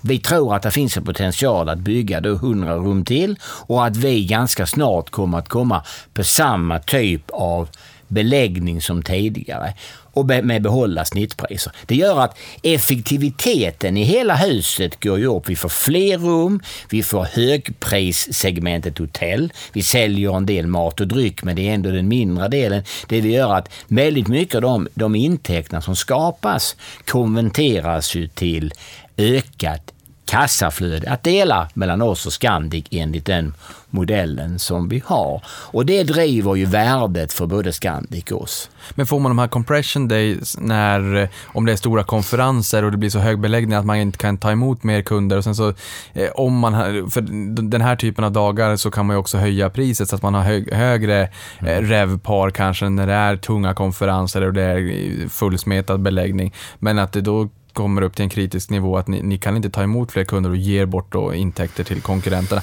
Bär de dagarna upp för, för de dagarna då så att säga där man inte har lika hög beläggning? Ja, det gör det. Compression days det inträffar naturligtvis när man har sådana här såna arrangemang eh, i, eh, i konferenser. Men också som i Luleå som är mycket sportarrangemang på helger. Eh, där ungdomsarrangemang, alltså det är en väldigt bra segment för, för, för hotell. Eh, men det är också ett allmänt eh, aktivt affärsresande som är positivt i Luleå. Och det gör att du får många dagar då du har en sån här compressor nights. Där du då kan ha, det här studerar vi oerhört noggrant och därmed så ser vi hur de här intäkterna rör sig och därmed vet vi hur vi kan investera detta. Vi gör investeringar någonstans på en 800 miljoner per år i Pandox i värdedrivande investeringar. Detta har fått en viktig del av Pandox utveckling där jag som jag sa, vi har ökat vår, vår storlek med 100 gånger. Det är ju ändå ganska godkänt. Eh, eh, och eh, en stor del av detta har, har vi naturligtvis varit marknadstillväxten och vi har gjort mycket med förvärv. Men en, men en icke oväsentlig del är dessa eh, värdedrivande investeringar. De håller vi på med nu under pandemin. Full fart. Eh, Lars Exton som är vår, eh, en av våra senior, eh, mest seniora personer vi har i bolaget och en oerhört kompetent person när det kommer till hur man driver värdeskapande investeringar. Han sa till mig att jag ska göra lika mycket investeringar 2020 som 2019 så är det ju omöjligt. Men han gör ju det. va. Därför att det är, nu är det ju mycket möjlighet att bygga. Man bygger billigare, det är lättare att bygga. Något hotell kan man faktiskt stänga nästan ner under en period för då är ändå låg beläggning och sen är den färdig på den andra sidan. Så eh, vi är, detta är en viktig del av Pandox tillväxtstrategi. Och ni grundades ju eh, 95, ni börsnoterades 97, ni köptes ut, ni kom tillbaka till börsen 2015 för andra gången i er historia. Eh, och sen dess har ju intäkterna ökat då från 3,5 till 5,5 miljard, det vill säga en kagger på 11,5 procent i snitt. Samtidigt som driftnettot på fastigheten har ökat från 1,7 till 3,4 miljarder, alltså 18,9 procent om året eh, pre-pandemic. Men vi är, tror jag, båda övertygade om att det kommer finnas en post-pandemic också.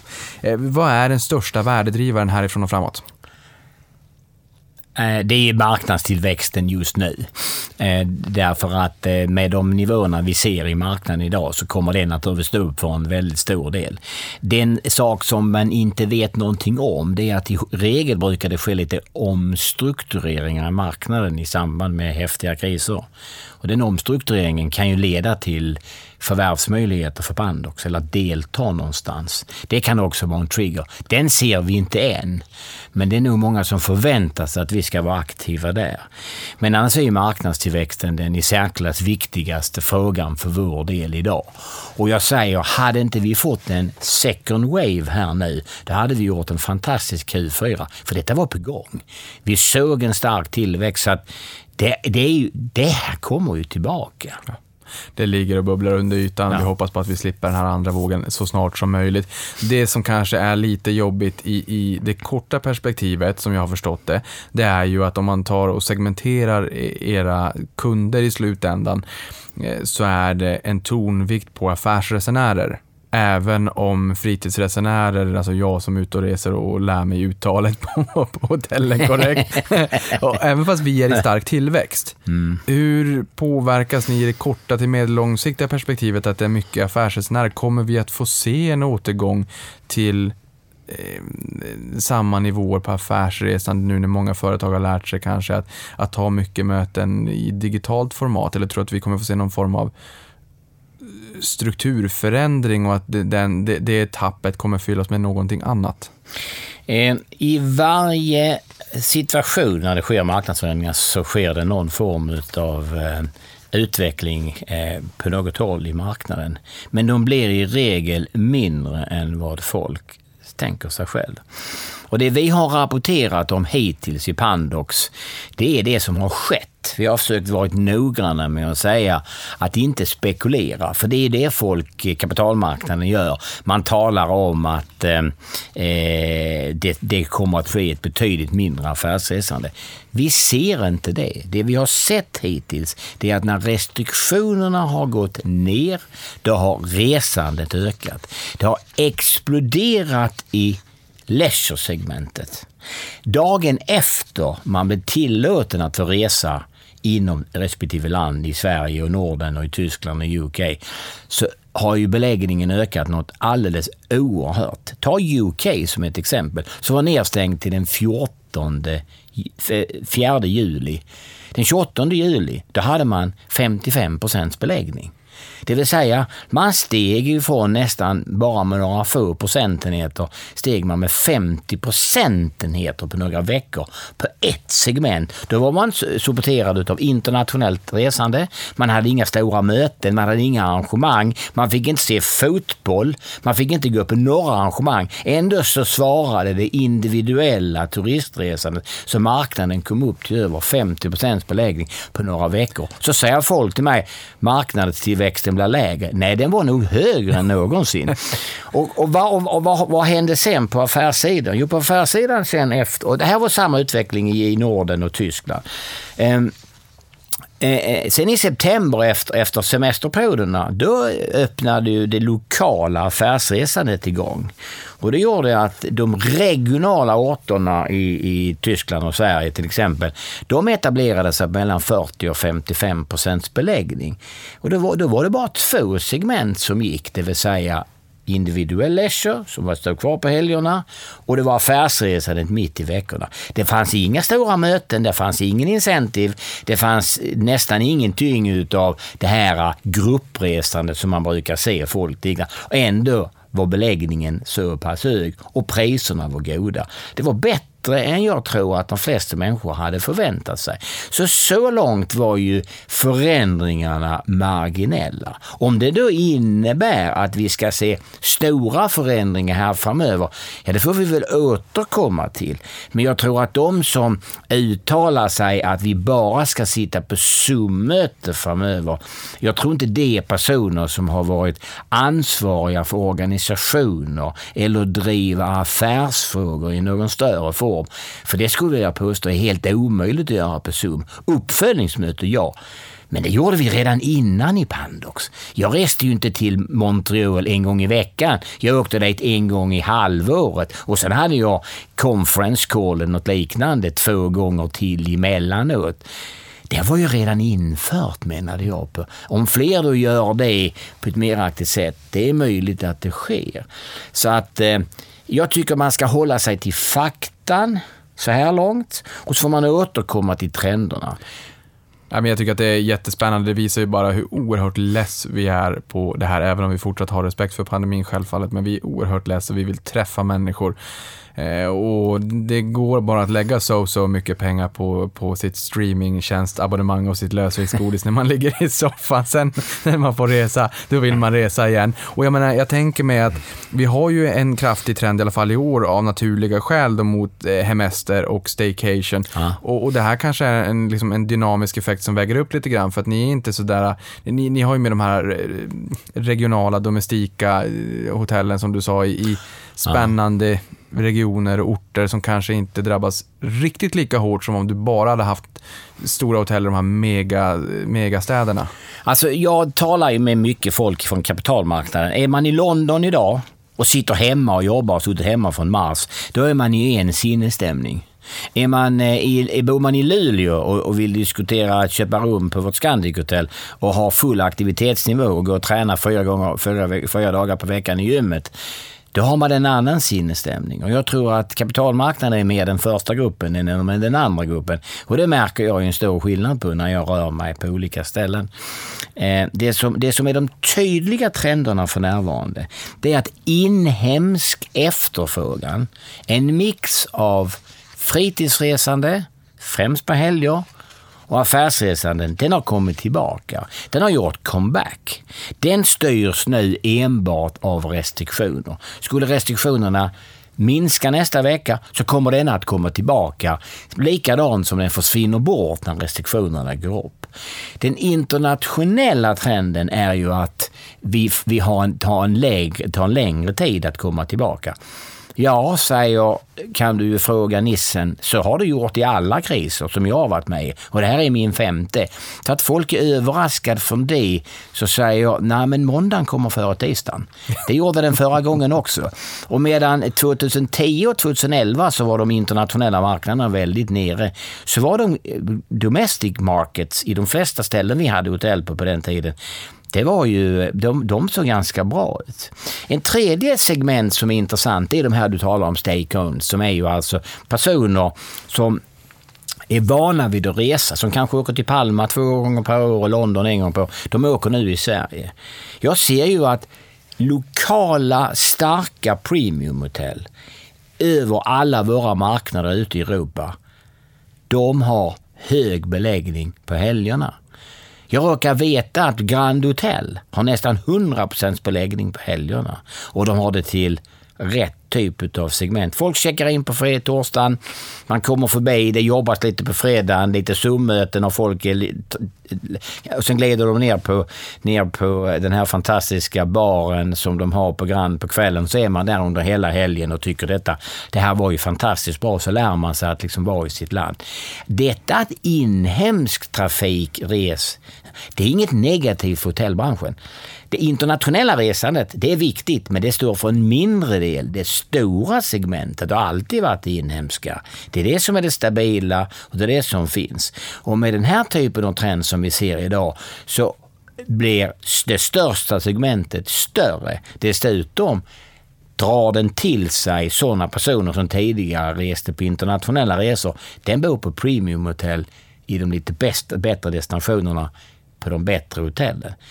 Det här ser inte så tokigt ut som folk tror. Det ser inte så tokigt ut som folk tror. Spännande. Bra medvind för Grand innebär bra medvind för Investor. Hos oss på Avanza så är det våran folkaktie, inte Telia och Ericsson som man ser i, i resten av Sverige. Någonting annat som jag tror att många är nyfikna på, det är lite grann hur ni påverkas kring trenden med exempelvis Airbnb. De har ju varit på väg till börsen med en fantasivärdering. Ehm, den här trenden, det är klart, de finns där ute, jag tror att många känner till dem. Men hur stort hot är det egentligen? Alltså Airbnb är ett segment i hotellbranschen, ungefär som hostel eller som eh, deluxe hotell. Det är en annan typ av produkt som vissa människor söker sig till. Och det ligger i den trenden att man ska bo lokalt och lite eh, genuint eh, genuina koncept. Eh, eh, det som ju Airbnb eh, bromsar Airbnb, eh, till exempel i Stockholm, det är ju att de flesta bostadsrättsföreningarna tillåter ju inte att man hyr ut till Airbnb. Och det kan jag förstå. Man har ju rykten om hur plötsligt någon har hyrt ut sin lägenhet och det är ju fest hela dagen lång. Så jag tror att den där verksamheten kommer att eh, organiseras mycket bättre i framtiden. Och så kommer det bli professionella aktörer som är duktiga på att eh, ha kontakt med fastighetsägare där man får lov att hyra ut. Och så drivs det detta på ett professionellt sätt och inte med småsnattar som äger en eller två lägenheter och hyr ut eller till och med bara äger sin egen och när det är ont i kassan, när då flyttar man hem till polaren och så hyr man ut lägenheten över helgen och så vet man egentligen inte vem som bor där på vilket sätt och, och överhuvudtaget. Eh, det, jag, är en, eh, jag, jag tror att detta kommer att begränsa sig till var några procent av den totala marknaden. Eh, och så är det idag och eh, därmed är det ett välkommet segment. I goda tider så behöver vi en flexibel eh, utbudssida där vi kan när det är stora kongresser addera till mer trafik eller mer och mer rum och då gör vi det på det sättet. Det är i alla fall bättre det än att det byggs nya hotellrum. Men att det skulle vara något hot eller någonting sånt till hotellbranschen, det har det inte varit hittills. Nej, intressant. I fjol förvärvade ni ju 13 stycken hotellfastigheter för 537 miljoner euro och senaste fem åren har ni köpt fastigheter för ungefär 25 miljarder. Vad är det som avgör om ni köper en fastighet eller inte? Det var som vi var tidigare inne på att eh, det ska ju vara en, en mått av eh, underperformance. Det ska inte vara en marknad som inte fungerat eller hotellet i den marknaden inte gör riktigt. Där vi kan med aktiva åtgärder flytta hotellets verksamhet. Sen ska det vara ett vettigt pris. Det ska vara en motiverad säljare. Och så ska det till exempel vara då att eh, eh om, om, och det ska vara en stad som vi, vi på något sätt då känner att vi har, vi har mycket eh, intresse för. Det här eh, eh senaste vi köpte var ju, vi köpte mycket i Tyskland i fjol. Om du börjar på de första hotellen så köpte vi tre, ett, ett hotell i Augsburg, ett hotell i Dortmund och ett i Erfurt. Och då är det ju tre fantastiskt fina tyska städer. Erfurt är ju en eh, stad som inte så mycket svenskar kanske varit i. Men det är en inhemsk tysk stad, mycket stor turiststad med en gammal, gammal stadsdel. Eh, Augsburg är en, en kongress, eh, har, ligger inte i kongressverksamheten, ligger i Bayern, en av den södra eh, Tysklands eh, rika städer. Till, nära Nürnberg. Eh, och Dortmund har vi ett hotell på tidigare. Dortmund är en stor arrangemangsstad och som har Europas bästa fotbollslag om inte du kände till det. jag är lite sportanalfabet fast jag inser att du har oerhört bra koll. Inte minst på den handbollen man spelar i Hillersborg i, i, i Boden. Men, men uppenbarligen oavsett om det är Boden eller Tyskland så, har, så känns det som att ditt hjärta klappar för sporten. Jag kan mycket handboll och jag kan en del fotboll, men jag kan mest handboll. Ja. Eh, eh, Eh, Eh, Dortmund har ett väldigt bra damlag i handboll som ligger just nu tvåa i Bundesliga, men det var en parentes. Ehm, Eh, vi köpte hotell, en, en, en portfölj med hotell i Stuttgart, eh, ett par hotell i Frankfurt, ett i Bad Neuenhaun eh, och ett i Seinfurt. Det är också en portfölj som vi köper till vettiga nivåer va? på avkastningskrav på 5,7 procent redan första året. Vi har ett, ska genomföra ett stort investeringsprogram så vi har då ett treårigt fast hyresavtal som sen går över i ett omsättningsdel. Så vi köper av, av, av den som ska operera och då får han ta sin egen risk. Han får sitt pris. Han ville ha eh, de, det priset han, han ville ha, de fick han. Eh, men då fick han ta risken under renoveringstiden och sen går det över i en omsättningsdel. Detta är ju alltså ett av Stuttgarts största hotell. Stuttgart är ju liksom en stad som är, är väldigt stor med mycket dynamik, med oerhört spännande placering i Tyskland. Tre hotell i Frankfurt. Just nu är Frankfurt en mycket hårt drabbad hotellmarknad medan en stark affärsmarknad. Det innebär att då kliver vi upp och får fem hotell i Frankfurt. Det är inte dåligt. Va? Så du ser, vi köper ställen och här är det mycket renoveringar. Vi ska, vi, i, i, i, I Stuttgart så ska vi skapa en helt ny identitet på hotellet. Det ligger i ett eh, en business park centralt inne i Stuttgart där detta hotell ska bli som owned zone. De ska äga zonen. Det här hotellet det ska bli mötesplatsen. De andra två hotellen eh, i Frankfurt är mötesverksamheter som vi ska stärka med vanliga renoveringar. Eh, Dorint i, eh, eller i, eh, de här, i Erfurt kan vi bygga fler hotellrum, ytterligare 42 stycken rum, vilket ju i en normal marknad skapar Eh, då är liksom den affären hemma. Va? Och Augsburg handlar också om renoveringar. Så att du ser, det är aktiva åtgärder, kräver aktiva åtgärder och i den här pandemin så håller vi på att genomföra de här typen av investeringar. Eh, eh, Macap-rummen, alltså provrummen, de är redan klara på tre av de här hotellen och idag klockan 16.20 så reker, reser två pandoxar till Frankfurt för att titta på och göra analysen av Bern Neuenhaus som är ett stort konferenshotell som ligger nära Frankfurt. Det är ditt område där nere, Frankfurt, Düsseldorf, Köln, Bonn. Det är större än hela Norden. Va? Där ligger eh, kanske 20 stora konferenshotell. Vi har fyra av dem. Det, det, är liksom, det är enorma marknader som rör sig. Folk kan flytta sig två timmar med bil. Om, om du sätter din, din tumme på Bad Neuenhaus så säger du hur många människor kan nå mig inom två timmar? Ja, 26 miljoner människor. Oh, alltså, här gäller det att börja segmentera sig, förstå. Va? Och det är vi där nere nu ett par dagar, gör analyserna och sen ska vi börja göra investeringarna på detta. Sådana saker är vi, har vi svart bälte i. Vi gör sådana grejer hela tiden. Men vi har ju sett, turn, eh, ni gillar ju turnarounds och vi har ju sett en del fastighetsbolag i Sverige som köper hyresfastigheter och renoverar dem och höjer hyrorna och förbättrar standarden.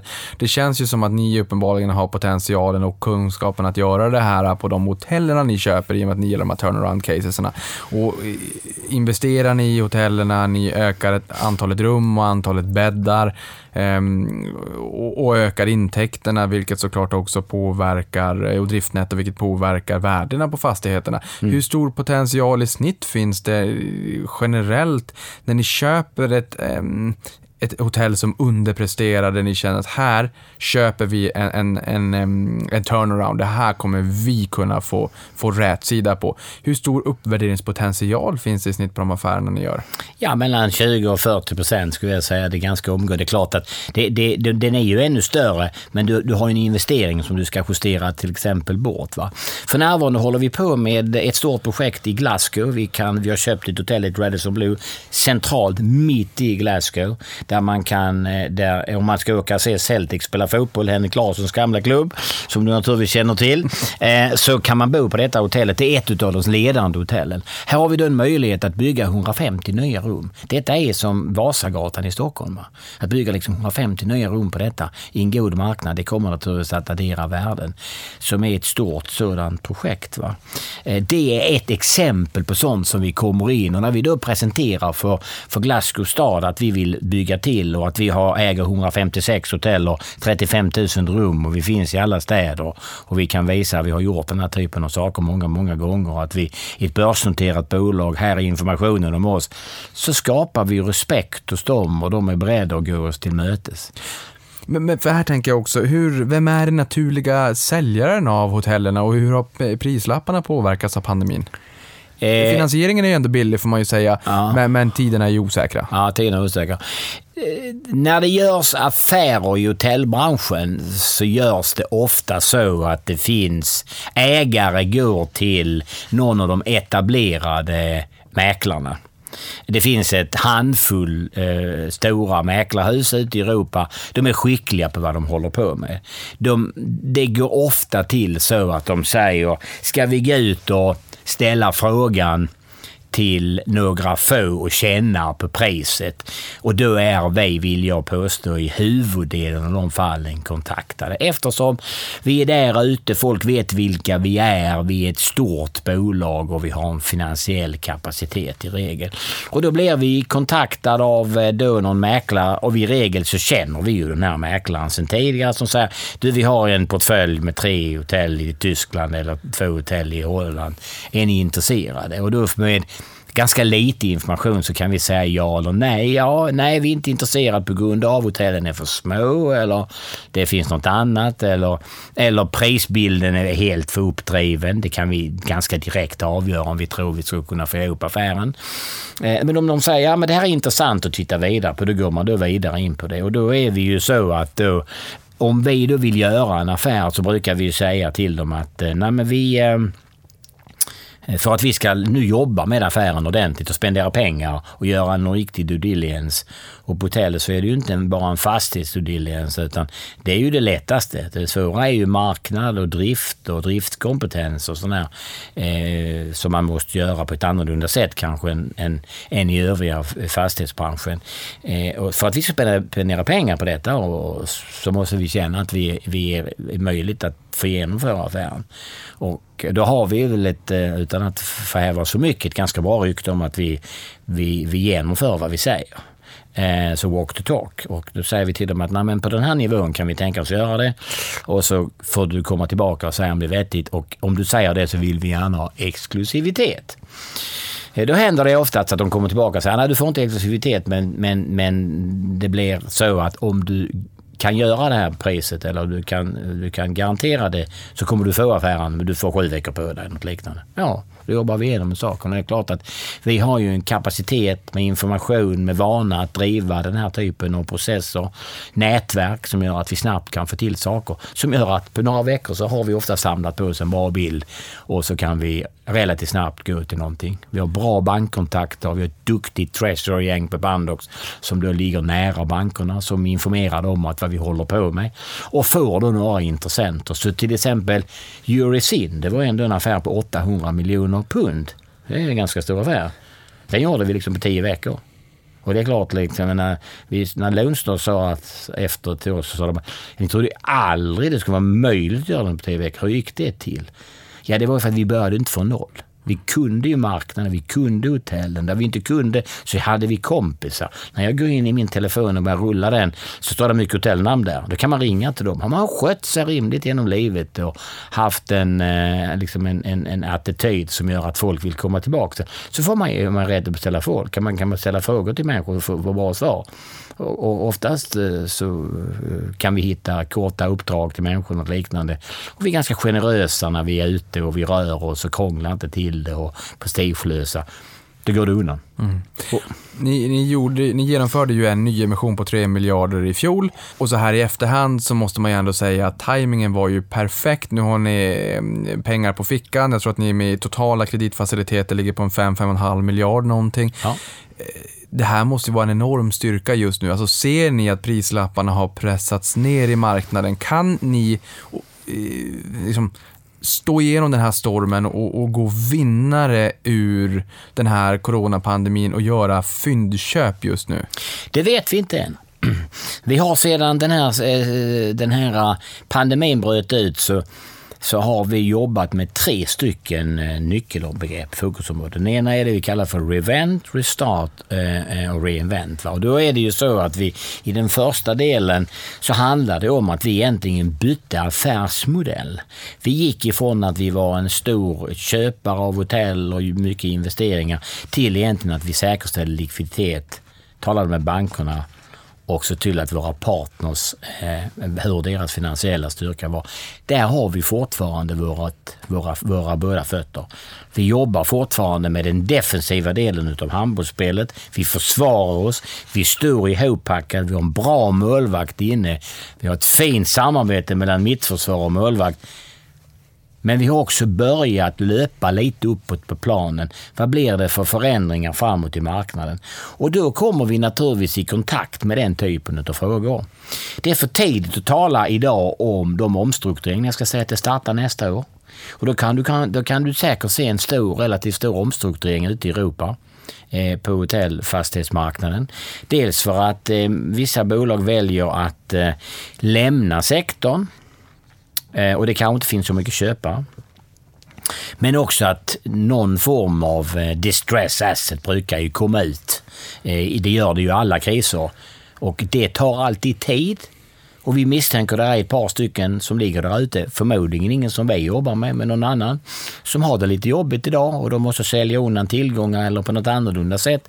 Så konsolideringen i min bästa tron startar 2021.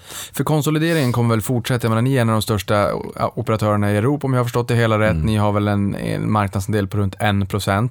Den är väldigt fragmenterad den här marknaden så att jag menar, mm. ni bör ju rimligtvis långsiktigt kunna bli en vinnare på att konsolidera en fragmenterad marknad i de lägena där ni vill som passar in liksom i, i, i Pandox eh, röda tråd. Alltså det är lustigt du säger det. Va? I början av två, vi hade styrelsemöte i, i början av två, två, det här i år, 2020. Och då sa jag att jag känner mig inte speciellt bekväm. Jag tycker marknaden är högt uppe. Det är uppdriven verksamhet överallt. Marknaden, går, marknaden rullar på, efterfrågan finns där, men det byggs mycket nya hotell. Det kommer in nya aktörer som sätter nya avkastningskrav i hotellbranschen. Det känns inte som att vi är på väg i en industriell riktning, utan det är väldigt opportunistiskt och det är väldigt mycket folk som är här inne som inte egentligen förstår exakt branschens förutsättningar potentialen då var ju begränsad så tillvida att vi såg att det fanns aktörer där ute som, som agerade orationellt. De är på väg bort. det är en större potential idag i Pandox än vad det var då. Och i dåliga tider går det ju alltid bättre för en sån bolag för oss jämförelsevis när allting är på topp och alla dricker champagne. Det är inte riktigt Nissens värld. Jag dricker inte champagne. Jag, jag tycker bättre om vatten och gå och träna. Så kan man, så kan man, så kan man gå upp tidigt nästa morgon och jobba. Eh, det, det är lite roligare då. Det är lite roligare, det låter bra. Vi hade ju allvarliga störningar på obligationsmarknaden här på vårkanten. Så vän av ordning eh, tycker väl kanske att jag då borde fråga, hur ser kapitalstrukturen och kapitalbehovet ut den närmaste tiden? Ja, kapitalbehov har vi. Vi har ju 5,5 miljard i kreditlinor. Vi är i en väldigt stark finansiell ställning och med 5,5 miljard så kan man ju göra förvärv på eh, och man har man ju utrymme med, för 50-60 procents belåningsgrad så har man ju långt över en miljard i, i, i kapacitet, euro långt över en miljard euro i kapacitet. Eh, så det är ju väldigt bra för oss. Ehm, eh, vi är, vi, vi, vi är traditionellt finansierade med eh, fastighetsfinansiering. Den traditionella vanliga formen som alltid klarar sig. Som alla människor talar om att inte man ska ha när det är högkonjunktur och som vi lyssnar på och aldrig gör. Och nu sitter vi med den, med den vanliga finansiering som alla vill ha. Vi har inga obligationsfinansieringar, vi har ingenting sådant som vi har rört till eller något konstigt utan vi har den traditionella vanliga formen. Vi jobbar med 11 stycken banker. Bankerna är nöjda med oss eh, och vi ser till att vi sköter oss på sådant sätt att de ska fortsättningsvis vara nöjda med oss. Och ni har ju 48,3 procents belåningsgrad per Q3 eh, ja. som kom ganska nyligen och ja. finansieringskostnaden i alla fall per i fjol låg på 2,6 procent i snitt. Ja. Vad går det att göra om möjligt? Jag förstår liksom en gång i tiden när du började med hotell så hade man bara kunnat drömma om 2,6 procent. Ja. även min, min, min, ringa ålder till trots, jag, jag förstår det också, men vad kan ni göra för att eh, sänka finansieringskostnader? Finns det en sån trigger? Nej, alltså det, jag tror inte att vi kommer kunna sänka våra finansieringskostnader så väldigt mycket. Vi kommer kunna ha annan typ av finansiering och vi har ju som sagt en väldigt vältränad treasureavdelning som hela tiden jobbar med vår struktur. Och det gör att det kommer säkert att skapas möjligheter här på den andra sidan. Det viktigaste för oss idag, det är inte egentligen eh, eh de sista punkterna här, utan det är ju att, vi, att bankerna tycker att vi gör ett eh, bra jobb. Att vi skydda deras krediter. Och då de känner att de är några som vi vill eh, tala med i framtiden. Och jag har regelmässigt kontakter med på seniornivå på bankerna. Jag träffade en av de större bankdirektörerna i Skandinavien här för några veckor sedan. Och hans budskap var att eh, om man jobbar som ni gör så, eh, så sover vi lugnt menade han. på. Det är ju bra. Men det där lärde vi oss i Securum. Du vet, vi har gått den vägen. Va? Vi har kommit från de här nivåerna. Vi visste hur det var. Vi vet att bankerna behöver ha det i sin värld. Alla skäller ju på dem. Och det kanske är rätt ibland. Men de är ju en mer det finansiella systemet. Det måste fungera för dem. Då måste man agera på det sättet och se till så att de får den typen av förhållningssätt emot sig. Hur vi jobbar med hyror och, och sammanhang för att eh, se till så att vi säkerställer att de aldrig behöver få några problem med våra krediter. Och när man gör det, då blir man ju kompisar och då jobbar man ju vidare. 2,6 procent i genomsnittlig finansieringsränta. Går det att säga någonting om direktavkastningen på de eh, fastigheterna som ni köper. Det är ändå turnarounds ofta som ni köper. Ni har en liten förkärlek till det. Går det att säga någonting om direktavkastningen på fastigheterna? Ja, det gör det. De sista vi har köpt här i fjol låg ju på mellan 5 och 5 och 5,7 procent. Va? sen köpte, det var ju de med hyresavtal och det räknar vi med att det ska ju stiga. Va? Så att det, eh, hade det varit en normal marknad så hade vi nu eh, varit inne i samma typ av renovering och sen hade vi räknat med att den avkastningen skulle fortsätta stiga över tiden då upp till 6 och 6,5 procent ganska snabbt. Vi köpte två operativa verksamheter. En i Haag och en i, i Hannover som vi köpte av ett franskt bolag som heter Grape under varumärket Novotel, ett franskt bolag. Och det driver vi i egen regi, de här två, de här två bolagen. Och de har utvecklat sig väldigt väl så här långt. Nu är Haag nedstängt, men de hade en fantastisk sommar med 80 procents beläggning. Och Hannover en väldigt stabil tysk stad som, en, som har så här långt presterat. Vi har två hotell innan i Hannover så vi kan den marknaden väl. De köpte vi på nästan 7 i initial yield. Går det, hur mycket går det att trycka ner den yielden till, jag tänker mig i ett normalläge, normal ekonomi, när ni har, om vi då säger att det är ett turnaround case, ni har fått eh, snurr på det där, det är tipptopp skick, då är det klart att då faller ju yielden från 7 ganska långt ner i samband med att värdet på fastigheten stiger. Vad är normal nivå när det liksom är, när ni känner att ja, men nu är det färdigt. Inte färdigt, det utvecklas ju löpande. Men nu är vi ganska färdiga och har gjort det värdeskapandet vi ville när vi initialt köpte den här fastigheten. Mm, Vad lägger nivån på? Ja, vi, alltså på gilderna, så, gilderna rör sig inte speciellt mycket. Vi ligger, vår hyresportfölj tror jag värderas på 5,52 vilket ju är väldigt högt i övriga fastighetsbranschen. Men det hänger ihop med att hotellbranschen är mer cyklisk och den kräver mer än vanliga fastigheter. Och, det kräver, och därför ska det också finnas ett högre avkastningskrav. Eh, när det gäller egen drift så ligger den någonstans 6,7 tror jag. Det vill säga ännu högre, men då har du ju också eh, egna investeringar du ska göra och du har en ännu mer rörligare del eftersom din ebita är egentligen din hyra. Och de nivåerna ligger vi på, så vi är ganska konservativa där och det gör ju också att när folk talar om nedskrivningsbehov så säger vi ja, men de avkastar ju 7 procent och 5,5 procent hyresavtal i, i Amsterdam och Stuttgart i Stockholm. Liksom, är inte det bra? Jo, det är det ju. Va? Så att eh, vi, eh, hade vi varit så att vi hade varit eh, väldigt aggressiva på de här frågorna då hade vi kanske det varit värre, men vi har alltid varit försiktiga och konservativa på gilderna. Men, men det där är jätteintressant, för att i januari skrev ni att marknadsvärdet på fastigheterna var 64 miljarder svenska kronor, då, vilket är mer än 100 gånger mer än när ni grundades 95. Då. Mm. Eh, samtidigt så har ni gjort nedskrivningar på de här fastighetsvärdena för att i samband med Q3 rapportera fastighetsvärden om 62 miljarder kronor. Mm. Eh, jag tror en och annan kanske liksom kliar sig lite grann i huvudet nu. Man har sett aktiekursen falla 77,9 procent som mest mest i år.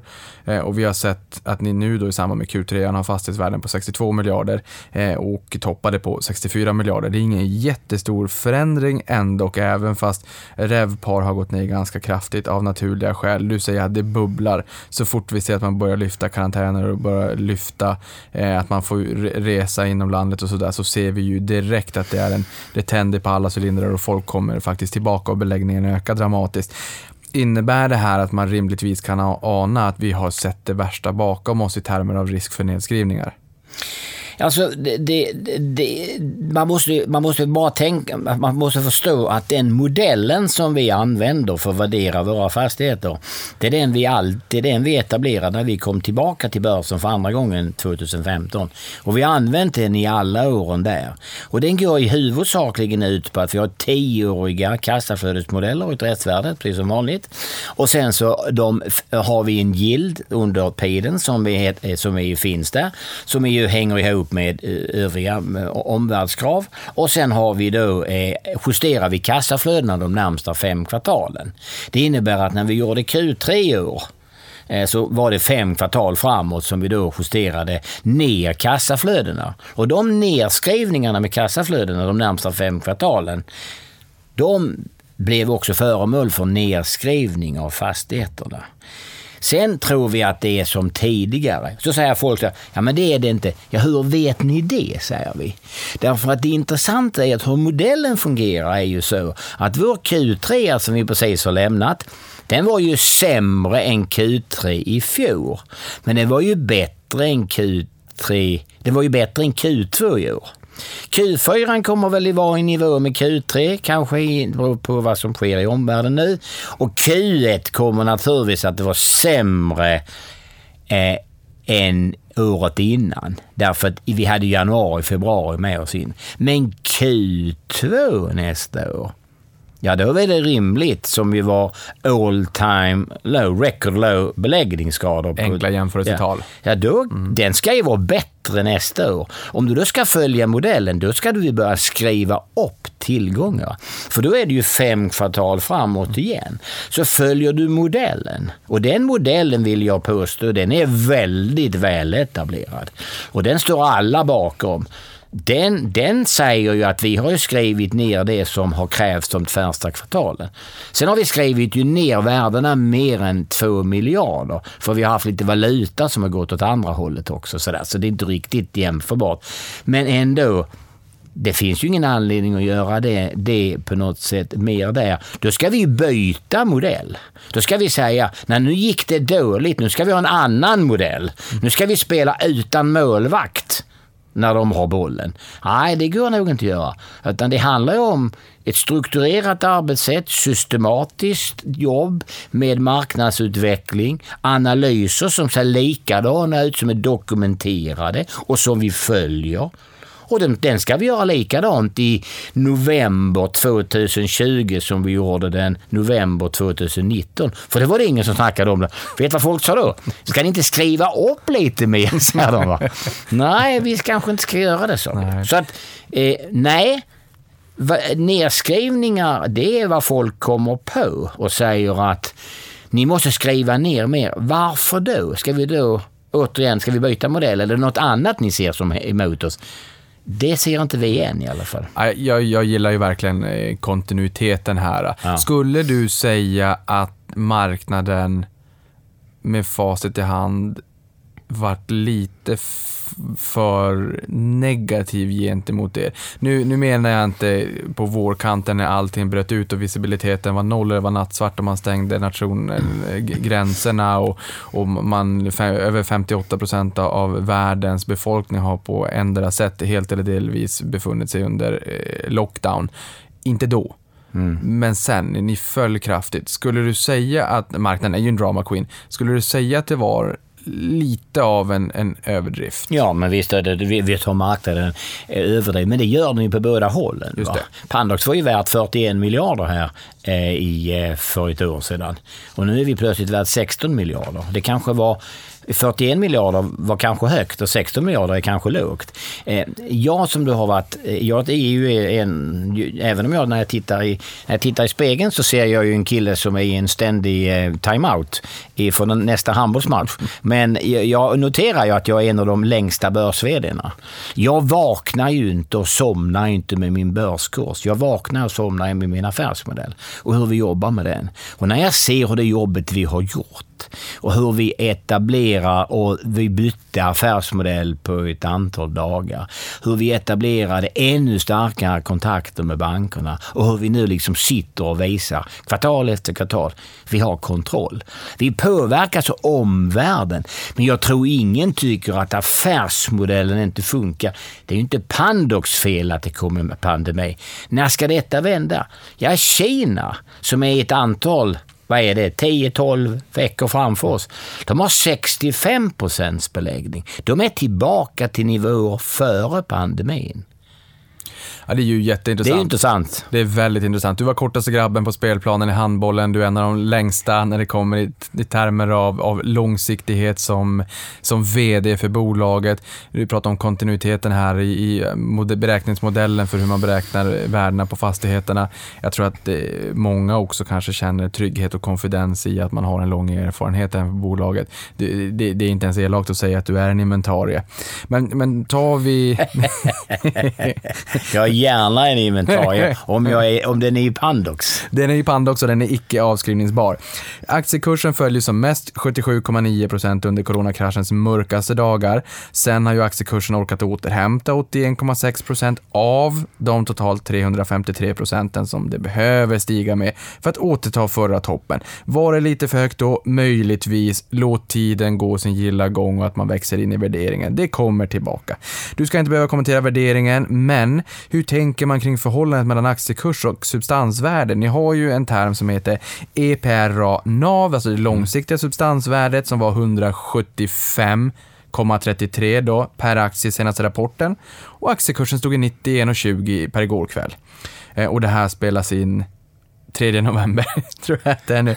Vad kan man säga? Alltså, går det att förenkla och säga att man köper en krona substans för en 50-öring, eller hur ska man tänka här? Ja, det kanske man kan säga. För att det är ju så att Epranav är ju en etablerad fastighetsorganisation i Europa där det då finns eh, företrädesvis så är det ju stora fastighetsbolag som äger andra fastighetstyper än hotell. Och så finns det några, stu, några stycken då som äger rätt mycket hotell var vi är väl vi är det största bolaget. Och, och de har en egen sektor där och den är ju, det är lite uppiggande kanske att snacka hotell ibland på de här mötena jämfört med att tala på en bostadsmarknad som är kanske väldigt stabil, inte minst i dessa tider, men som kanske inte händer så mycket. Så hotell är lite roligare och lite mer sexappell och det är branding och destinationer och resor och sådär. Och där finns ju med. Men bakom den här äh, så gömmer det ju sig ett, ett, en verkligen etablerat värderingssätt. Här är ju inte någonting som man kan, Epranav kan ju inte liksom släppa igenom värderingsmodeller som inte fungerar och det är bakom dem står ju de stora finansinstitutet i Europa. De tycker att Pandox värde är 100, vad är det, 170 eh, eller vad det är. Eh, det är ingenting vi har kommit på. Vi stoppar in den, den i vår modell. Sen om aktiemarknaden tycker någonting annat så får väl de här två sätta sig ner och snacka och då tror jag kanske den som har mest information om sakförhållandet det är nog Epranav-gänget.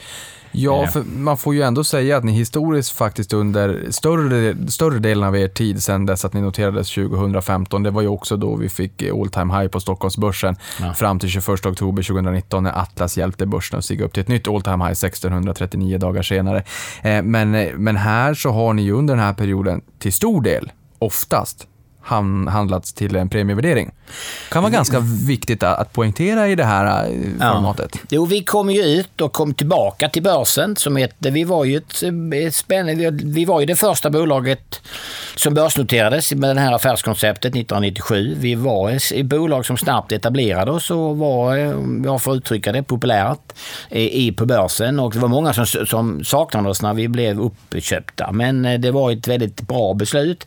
Vi fick in två stycken industriella ägare, Egendomsspar och Sunt, två norska system som har varit fantastiska för bolaget som fortfarande finns kvar. Du får inte glömma, vi har en enormt fin aktieägarlista. Vi har det bästa man kan ha där och de står ju bakom oss och tror ju på oss. Åtminstone så säljer de i alla fall inte någonting utan tvärtom hejar de ju på oss ganska rejält. Ja, och nu uppviglar du till några av de avslutande frågorna. Den första är, följer du pilotskolan? Och sen vill jag veta hur ägarlistan ser ut. Ja, eh, så att ägarlistan ägarlistan, ägarlistan eh, eh, är ju, eh, har vi ju Sunt och Egendomsspar. De, de äger ju 30, cirka 30 procent var. Det finns ju A och B-aktier i Pandox. Sen har vi ju stora i AMF och mycket av de här stora AP-fonderna och alla de du vill ha. En del utlänningar som är där äger ju och har ju, är ju med oss under hela vägen. Pilotskolan, ja. Jag nyligen här, bara för någon månad sedan, så köpte jag ju, beställde huvudägare ut optioner till mig igen och jag köpte ju, investerade i bolaget. Eh, det gjorde vi för, var det, jag vet inte om det är en månad sedan, om det är två månader sedan eller om det är tre månader sedan, men det var ganska nyligen. Jag äger en hel del aktier i Pandox. Jag sitter i andra den typen av program så att eh, jag har ju rätt stora ekonomiska ehm, eh, incitament att bolaget ska fungera. Vi talar liksom om, eh, det här kan ju bli flera hundra miljoner. Alltså detta, alltså, det är ju redan värt mycket. Men, men alltså, är du redan så tung och fullsmetad i, i Pandox att du inte vill avancera positionen i ett läge när ni liksom kollapsade på börsen så mycket som vad ni gjorde eller orkade du liksom köpa på det lite grann under de här jobbiga tiderna? Ja, jag köpte ingenting under den perioden. Det berodde på att jag hade gjort en, en lite privata investeringar med mina barn. Eh, med, eh, när, man har, när, man, när man får barn och de får, får sina barn så, och de bor i stora städer så brukar föräldrar brukar hjälpa till. Och det gjorde min hustru och jag med glädje. Det är de roligaste investeringarna du kan göra. Men det var liksom under en period lite fyllt där. Vi har ju en väldigt god ekonomi, men det var lite fyllt lite om period och då råkade just detta hända samtidigt. Men sen eh, investerade jag ju i ehm, Ja, som sagt, med ett nytt eh, program som har börjat gälla och som gäller fem år eller något liknande. Det var ett sånt som ägarna ställde ut själv. Hade, bekostade inte Pandox någonting utan var huvudägaren beställde detta. Eh, och jag äger ju eh, aktier i Pandox och jag är mycket aktier i Pandox och jag äger ju som sagt ett par, är inblandad i ett par olika optionsprogram som på olika sätt rullar de närmsta åren. Och, och Gudbevars, jag hade ju gått till firman utan de här programmen ändå. Va? Men det gör ju ingenting att få dem för någonstans så eh, använder man ju dem på ett eh, klokt sätt och så innebär detta att man får ännu mer trygghet och ännu mer stabilitet som VD. Ehm, eh, jag har mina huvudsakliga investeringar har jag i privata bostäder eller i aktier i Pandox. Förutom att jag har ju ett, eh, naturligtvis ett, ett pensionsfonder och sådär som har rullat med med åren med hänsyn till att man haft en, en hög lön och sådär. Eh, sen ska väl sägas i det, det sammanhanget också, när vi talar vi stora pengar och vi gör grejer. Jag kommer ju från eh, Björkvägen 3C i Kristianstad. Där behövde man inga miljoner för att överleva och där var det ingen som hade någonting heller. Va? Jag kommer från ett arbetarhem i en liten stad. Pappa var militär, mamma jobbade på kontor. Det överlevde man också. Så jag är inte speciellt orolig på något håll. Men är det nu så att jag har fått möjlighet att få tjäna pengar på en av mina fritidsintressen, nämligen hålla på med hotell, så gör det ju ingenting. Nej, man behöver inte jättemycket pengar för att klara sig i Boden heller, men, men här lyfter du någonting väldigt viktigt och intressant att aktiemarknaden är ju faktiskt en väldigt bra, om inte den bästa marknaden, vissa kanske pratar om fastigheter och sådär också, men, men, men då får man ju använda belåning som en viktig komponent. Men aktiemarknaden är ju en fantastisk marknad för att kunna bygga stora värden över tid om man ja. bara har sitt fläsk. Ja. Eh, men sista avslutande frågan då. Ehm, vart befinner sig Pandox om fem år? För jag tror att många som lyssnar på det här, eh, de tror jag kommer att imponeras av din långa resa med, som direktör redan vid 25 års ålder och har varit med i det här bolaget under oerhört lång tid. Eh, men att man kanske ändå vill ingjuta mod i mina lyssnare utan att lova någonting. Men låt oss blicka fem år bort. Hur tror, vad tror du kommer att ha hänt till dess och hur tror du att du kommer att se tillbaka på den här perioden? Jag tror att den stora skillnaden för hotellbranschen det blir ju att eh, det kommer att eh, turism kommer att öka snabbare än de andra segmenten och det kommer att drivas mest inhemsk turism än mer än internationell turism. Det vill säga det segmentet eh, som innebär att svenskar reser mer, men reser i Sverige eller i Norden det, det segmentet kommer att utvecklas fortare än internationellt resande. Det har ingenting med pandemin att göra. Det har med hållbarhetsfrågorna att göra. Det här kommer inte vara det här är inte nödvändigtvis dåligt för hotellbranschen, tvärtom. Det blir nog högre beläggning, och det blir stabilare beläggning än det när allting är väldigt globalt som hotellbranschen oftast är. Det kommer att påverka Pandox positivt på tre sätt. Det kommer innebära att den typen av strategi vi har, nämligen fokus mot inhemska hotell, stora hotell i starka destinationer som kommer att växa, kommer att växa ännu mer och vi kommer att få del av den, antingen i hyror. Den andra delen blir att vi kommer att få en, en, en, en vår paneuropeiska position kommer säkert att växa för här kommer att skapas affärsmöjligheter för vår sida. Och den tredje delen det är att när man har gått igenom en sån här kris en gång till som vi nu har gjort och flera av oss som jobbar i ledningen, vi har ju nu gjort ett par kriser upp, så blir man ju liksom ännu bättre.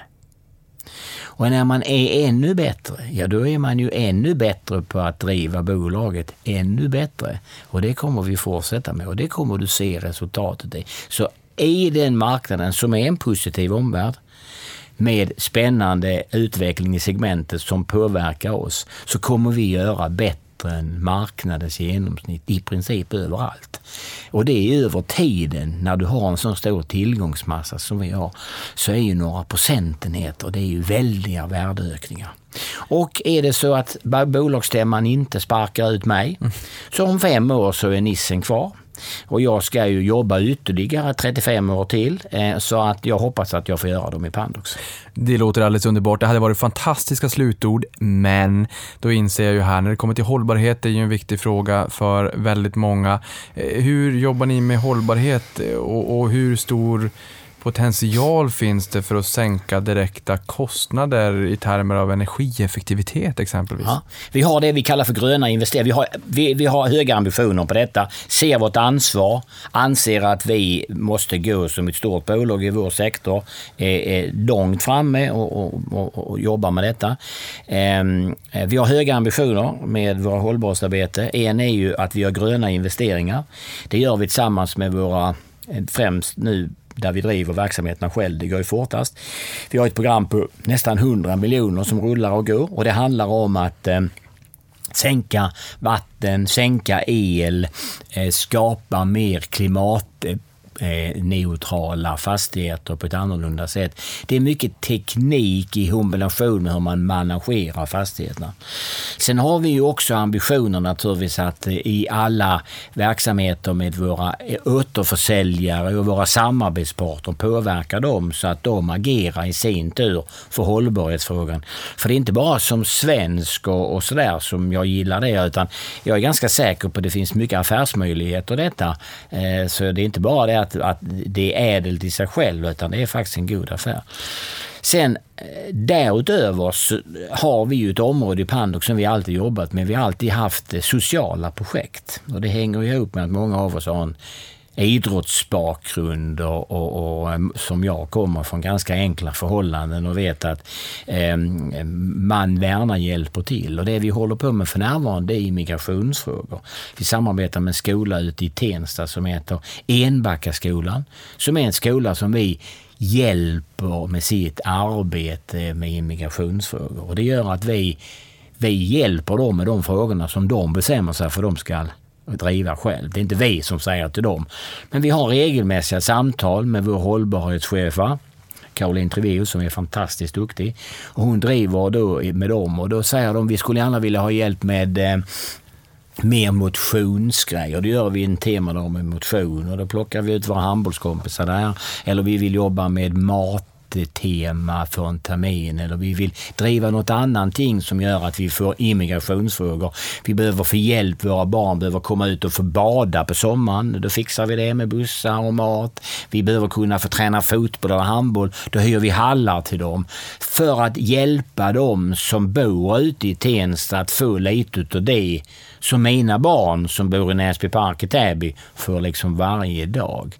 Och det kan jag brinna för riktigt ordentligt för att känna att det är banne mig en uppgift som man har som VD i stora bolag att gå i främsta ledet och säga det är fantastiskt att ha folk från olika kulturer och olika religioner vad de har för saker. Det finns svenskar som är konstiga och det finns syrier som är konstiga. Men de allra flesta är jäkligt bra människor. Och det måste vi ta ett större ansvar för i genomsnittet. Och jag brukar säga Pandox, om inte vi med våra löner, med våra förutsättningar, med kontor inne i city, med bilar och vi reser. Om inte vi kan göra någonting här, vem ska då göra det?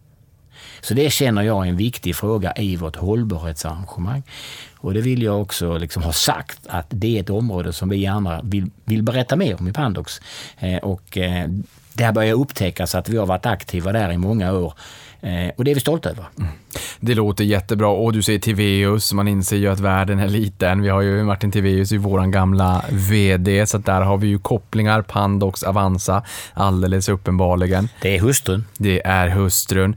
Du, Anders, jag får säga Tusen tack och jag får också säga grattis till det, det längsta maratonavsnittet. Jag tror att rekordet är med Toby på nästan två timmar. Vi är över två timmar, så yes. grattis! Ja. Jag gillar att vinna! Tusen tack för att du kom till podden och berättade mera om Pandox. Tack så mycket. Tack för att jag får komma. Kommer jättegärna tillbaka. Tack för det och tusen tack för att du har lyssnat på det här.